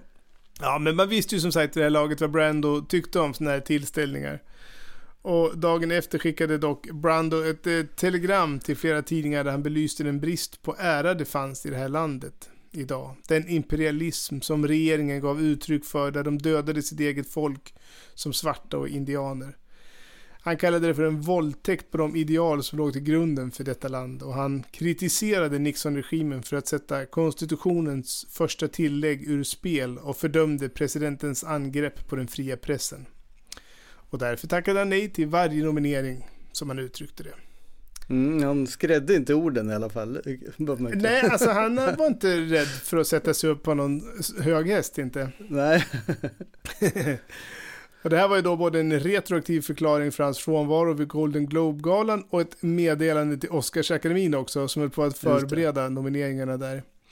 Men skulle han verkligen tacka nej till en Oscars-nominering? Liksom, kunde han ens göra det? Mm. Men så var det dags då att tillkännage nomineringarna och Gudfadern fick nio stycken. Och Brando fans fanns där bland de nominerade. Mm. Möjligen var det klart innan hans telegram. Det, jag vet faktiskt inte när de lägger sig fast på vilka som är nominerade. Ja. Det skulle jag nog nästan tro. Men skulle de gå hela vägen och belöna honom med en Oscar? Kolumnister spekulerade i hur det skulle påverka akademin om skådespelare började tacka nej till priser. Mm. Och överlag så var det sånt himla stöd omkring Gudfaderns Oscars, Oscars-nomineringar. För Al Pacino hade klockat sin närvaro i jämförelse med Brando. Så det visade sig att han hade faktiskt framträdde fler minuter på duken än honom. Och ändå var det Brando som nominerades för bästa manliga huvudroll och Pacino för bästa biroll. Ja. Så Pacino bestämde sig för att bojkotta galan av den anledningen. och till Gudfadern 2, då skulle man kunna hävda det motsatta, att De Niro faktiskt har fler minuter än Pacino. Men då var det Pacino som kammade hem Oscar för bästa huvudroll, och Oscar fick nöja sig med statyetten för bästa biroll. Ja, så, så Pacino, han nobbade inte den galan i alla fall. Nej. Alltså, det, då gick det bra att gå. Han hade nog inte klockat den. Nej, just det. Eller så hade den helt enkelt vuxit upp under de två åren som hade gått där. Ja. Ja, men frågan är väl då, kan en film ha två hu- huvudrollsinnehavare med samma kön och utgår definitionen av en huvudroll i den roll som har haft mest tid i bild? ja, det kan man ju undra, verkligen. Ja, men som sagt, det var mer rörande än som så, för att om jag sa att det var nio nomineringar för Gudfadern så var det fel, för det var elva nomineringar i nio kategorier. För Pacino, Duval och nominer- nominerades alla för bästa manliga biroll. Okej. Men det stämmer inte heller, för att man upptäckte då att Nino Rotas musik, som jag var inne på, används i den lite muntrare versionen då, i den italienska Fortunella från 58. Så att det var inte längre originalmusik och därför drogs nomineringen för bästa musik tillbaka. Okej. Jävligt rörigt. Nu har de faktiskt ändrat reglerna för bästa musik, så att nu behöver den inte vara... Nu tror jag att det är 60% i filmen som ska utgöras av nyskriven musik. Aha, Så att det, de har gjort om det där för att det, det, ja, det, det var ju också lite konstigt för att det är ju mycket mer än bara den biten. Alltså hela Gudfader-temat är ju, är ju ett annat liksom. Ja visst, alltså när man hör de här låtarna så de låter inte alls som samma låt ändå liksom. Nej, Alltså, precis. Det har sitt eget uttryck liksom. Ja. Mm. Men då, eh, 27 mars då, 1973, så var det dags för Oscargalan. Och publiken på The Dorothy Chandler Pavilion i Los Angeles inväntade med spänning på att priset för bästa manliga skådespelare skulle delas ut. In på scenen kom Roger Moore och Liv Ullman. Det var den här stunden alla hade väntat på i veckor. Vad skulle hända nu? De räknade upp de nominerade och var på Moore sprättade upp kuvertet och gav lappen till Ullman. I learned a great deal from a director named Ingmar Bergman. Often to be most eloquent is to be silent. You're quite right. Uh, the film we've just seen has said it all. I think we should uh, say that those nominated for the best performance by an actor are Marlon Brando in The Godfather. Michael Caine in Sleuth, Laurence Olivier in Sleuth. Peter O'Toole in The Ruling Class, Paul Winfield in Sounder. The winner is Paret ser mycket bekymrade ut. Ullman ler snabbt, men sedan blir hon gravallvarlig igen. Moore ser sammanbiten ut. Ryktet har florerat att Brando har skickat någon i sitt ställe att ta emot priset om han skulle vinna. En maskulin radioröst proklamerar för att ta emot priset å Marlon Brandos vägnar, Miss Sachlin Littlefeather. Marlon Brando in The Godfather.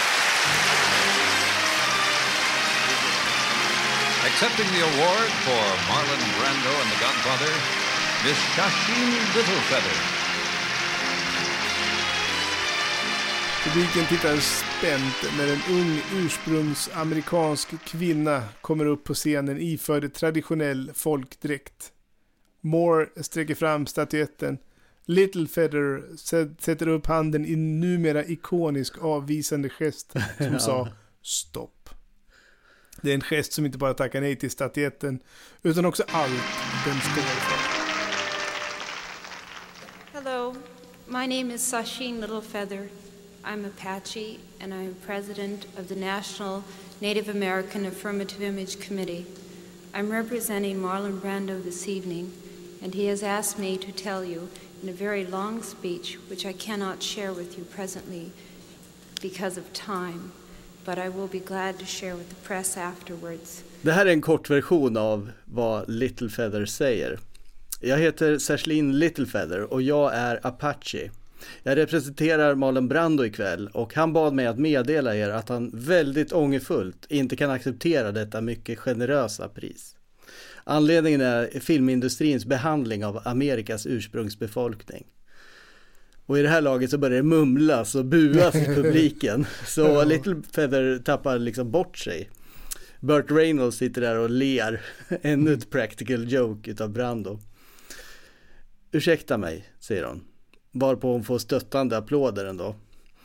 Jag tror att vi kommer att träffas med kärlek och generositet. Tack om Marlon Brandos vägnar. That he very regretfully cannot accept this very generous award. And the reasons for this being are the treatment of American Indians today by the film industry, excuse me,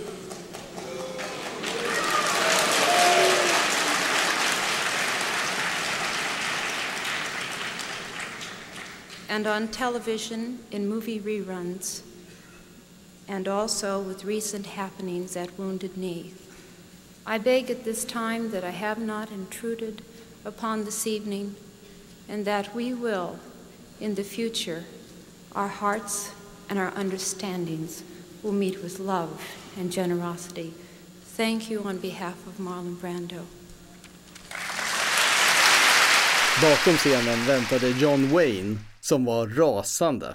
Han ville såklart. kasta sig över Little Feather och det krävdes sex säkerhetsvakter för att hålla tillbaka honom. Clint Eastwood sa några hånfulla ord på scenen. Det var ju cowboy nummer två där då. Mm. Brando kommenterade händelsen senare. De här människorna buade åt mig. De buade för att de tyckte att det här ögonblicket är heligt och ni förstör vår fantasi med ett intrång av verkligheten. Jag antar att det var taskigt av mig att göra det, men det finns större problem. Ett problem som ingen i filmindustrin adresserat tidigare. Filmindustrin är ansvarig för att ha degraderat ursprungsbefolkningen och gjort narr av dess karaktär. Och visst är det så att Brando, även om han var lynnig och svår att förstå och ändå liksom framstår som lite före sin tid här och eh, en del av liksom den här konflikten med samtiden handlade just om det där. Han eh, hade ju liksom hittat sina, vad han brann för i, Mm. i, i livet liksom. Ja, ja, och visst. den här nya då, yngre generationen avgudade honom. Och han hade kanske mer gemensamt med dem än sin egen generation. Ja, så var det Och Fredrik, det var ju fler som var upprörda efter Gudfaderns premiär, eller hur Fredrik? Ja, ja, alltså det finns ju, vi, nu har du nämnt eh, Sinatra eh, och eh, det finns ju väldigt många historier om Sinatra och hans relation här till karaktären eh, Johnny Fontaine i filmen, eller framförallt faktiskt i boken. Ja. att den karaktären är mycket större i boken än den är i filmen. Den är ju inte med det. så mycket. Nej, han har ju sin historia där i Hollywood som Coppola tog bort sen. Men, eh, Ja, precis. Och Mm. eh, hur han får en Oscar och så vidare.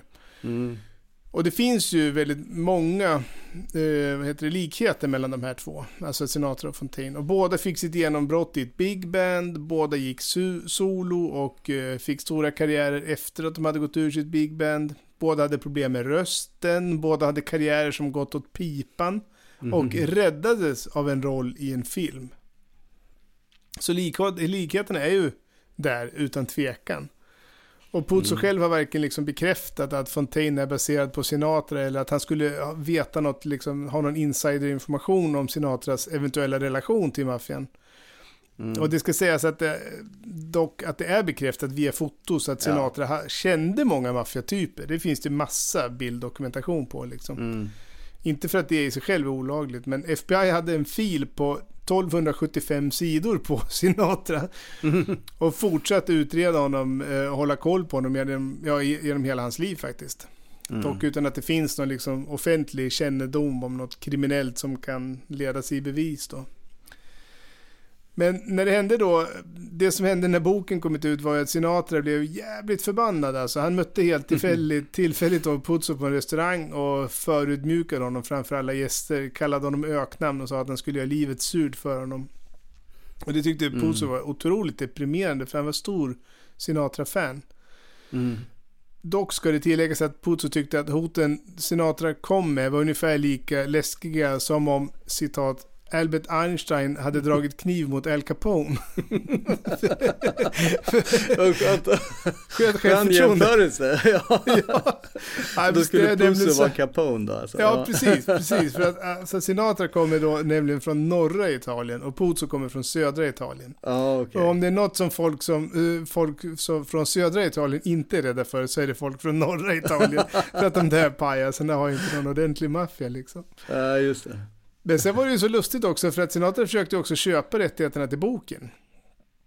Och Paramount som ju var i total kris eh, i, vid den här tiden liksom hade ju inga pengar alls. De övervägde det kortvarigt för att de hade ju knappt Mm. betalat någonting själva för det. Men, men var det för att han eh, vi- kände till eh, Johnny Fontaine och hela, alltså att han ville lägga ner boken så att säga, eller Nej. skriva om den eller? Nej, utan han ville nog göra en film av det faktiskt. Han hade ju väldigt överdriven liksom, tro på egen förmåga inom filmen. Och det visar sig inte minst då för att han, när han inte fick rättigheterna till boken så snackade han med Coppola och sa jag, jag, jag kan göra en roll i filmen.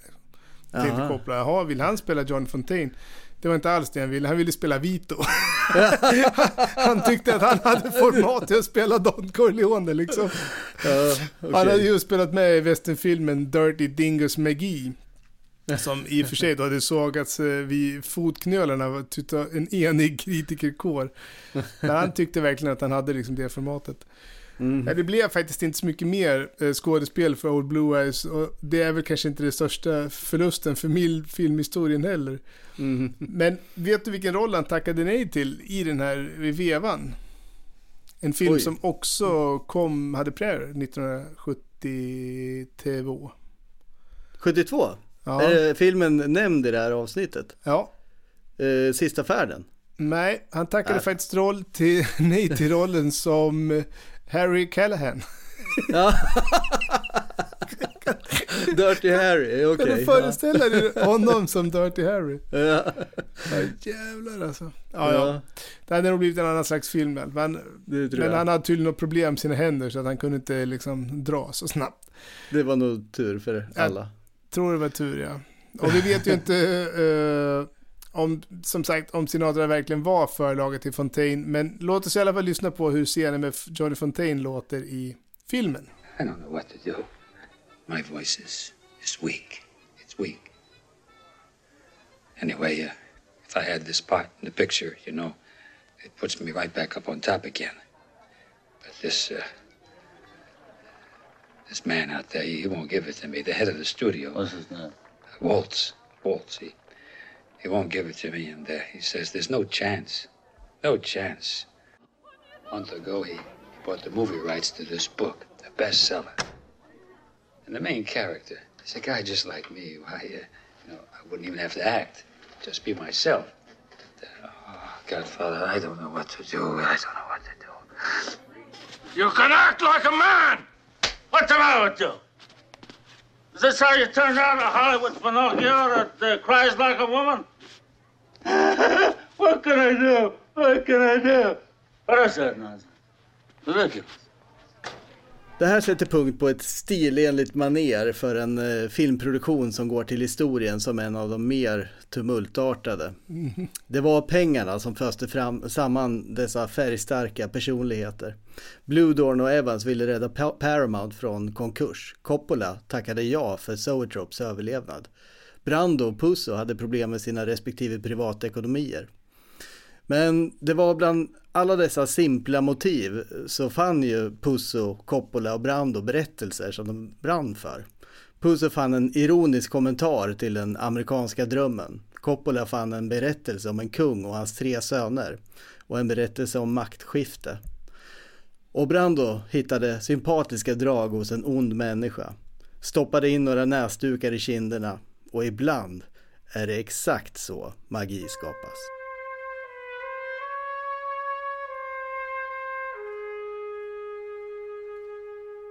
Du har lyssnat på The Making of Gudfadern och med detta avsnitt avslutar vi denna säsong och vi är tillbaka till våren. Mm. Vi vill passa på att tacka för allt ert stöd och glada tillrop och var så Verkligen. säkra. Så snart vi har sagt det här sista ordet i det här avsnittet så börjas planeringen utav säsong två. Om du skulle vilja stödja oss kan du lämna ett bidrag på patreon.com. Det är bara att söka upp The Making of där eller via Switch nummer 123 211 7299. Numret är kopplat till vårt bolag Blue Zombie. Så står det så så har ni kommit rätt. Och så kan ni följa oss på vårt Instagramkonto eller på Facebook, The Making of Pod. Och så kan ni komma i kontakt med oss på themakingofpod at gmail.com. Vi hörs! Det gör vi.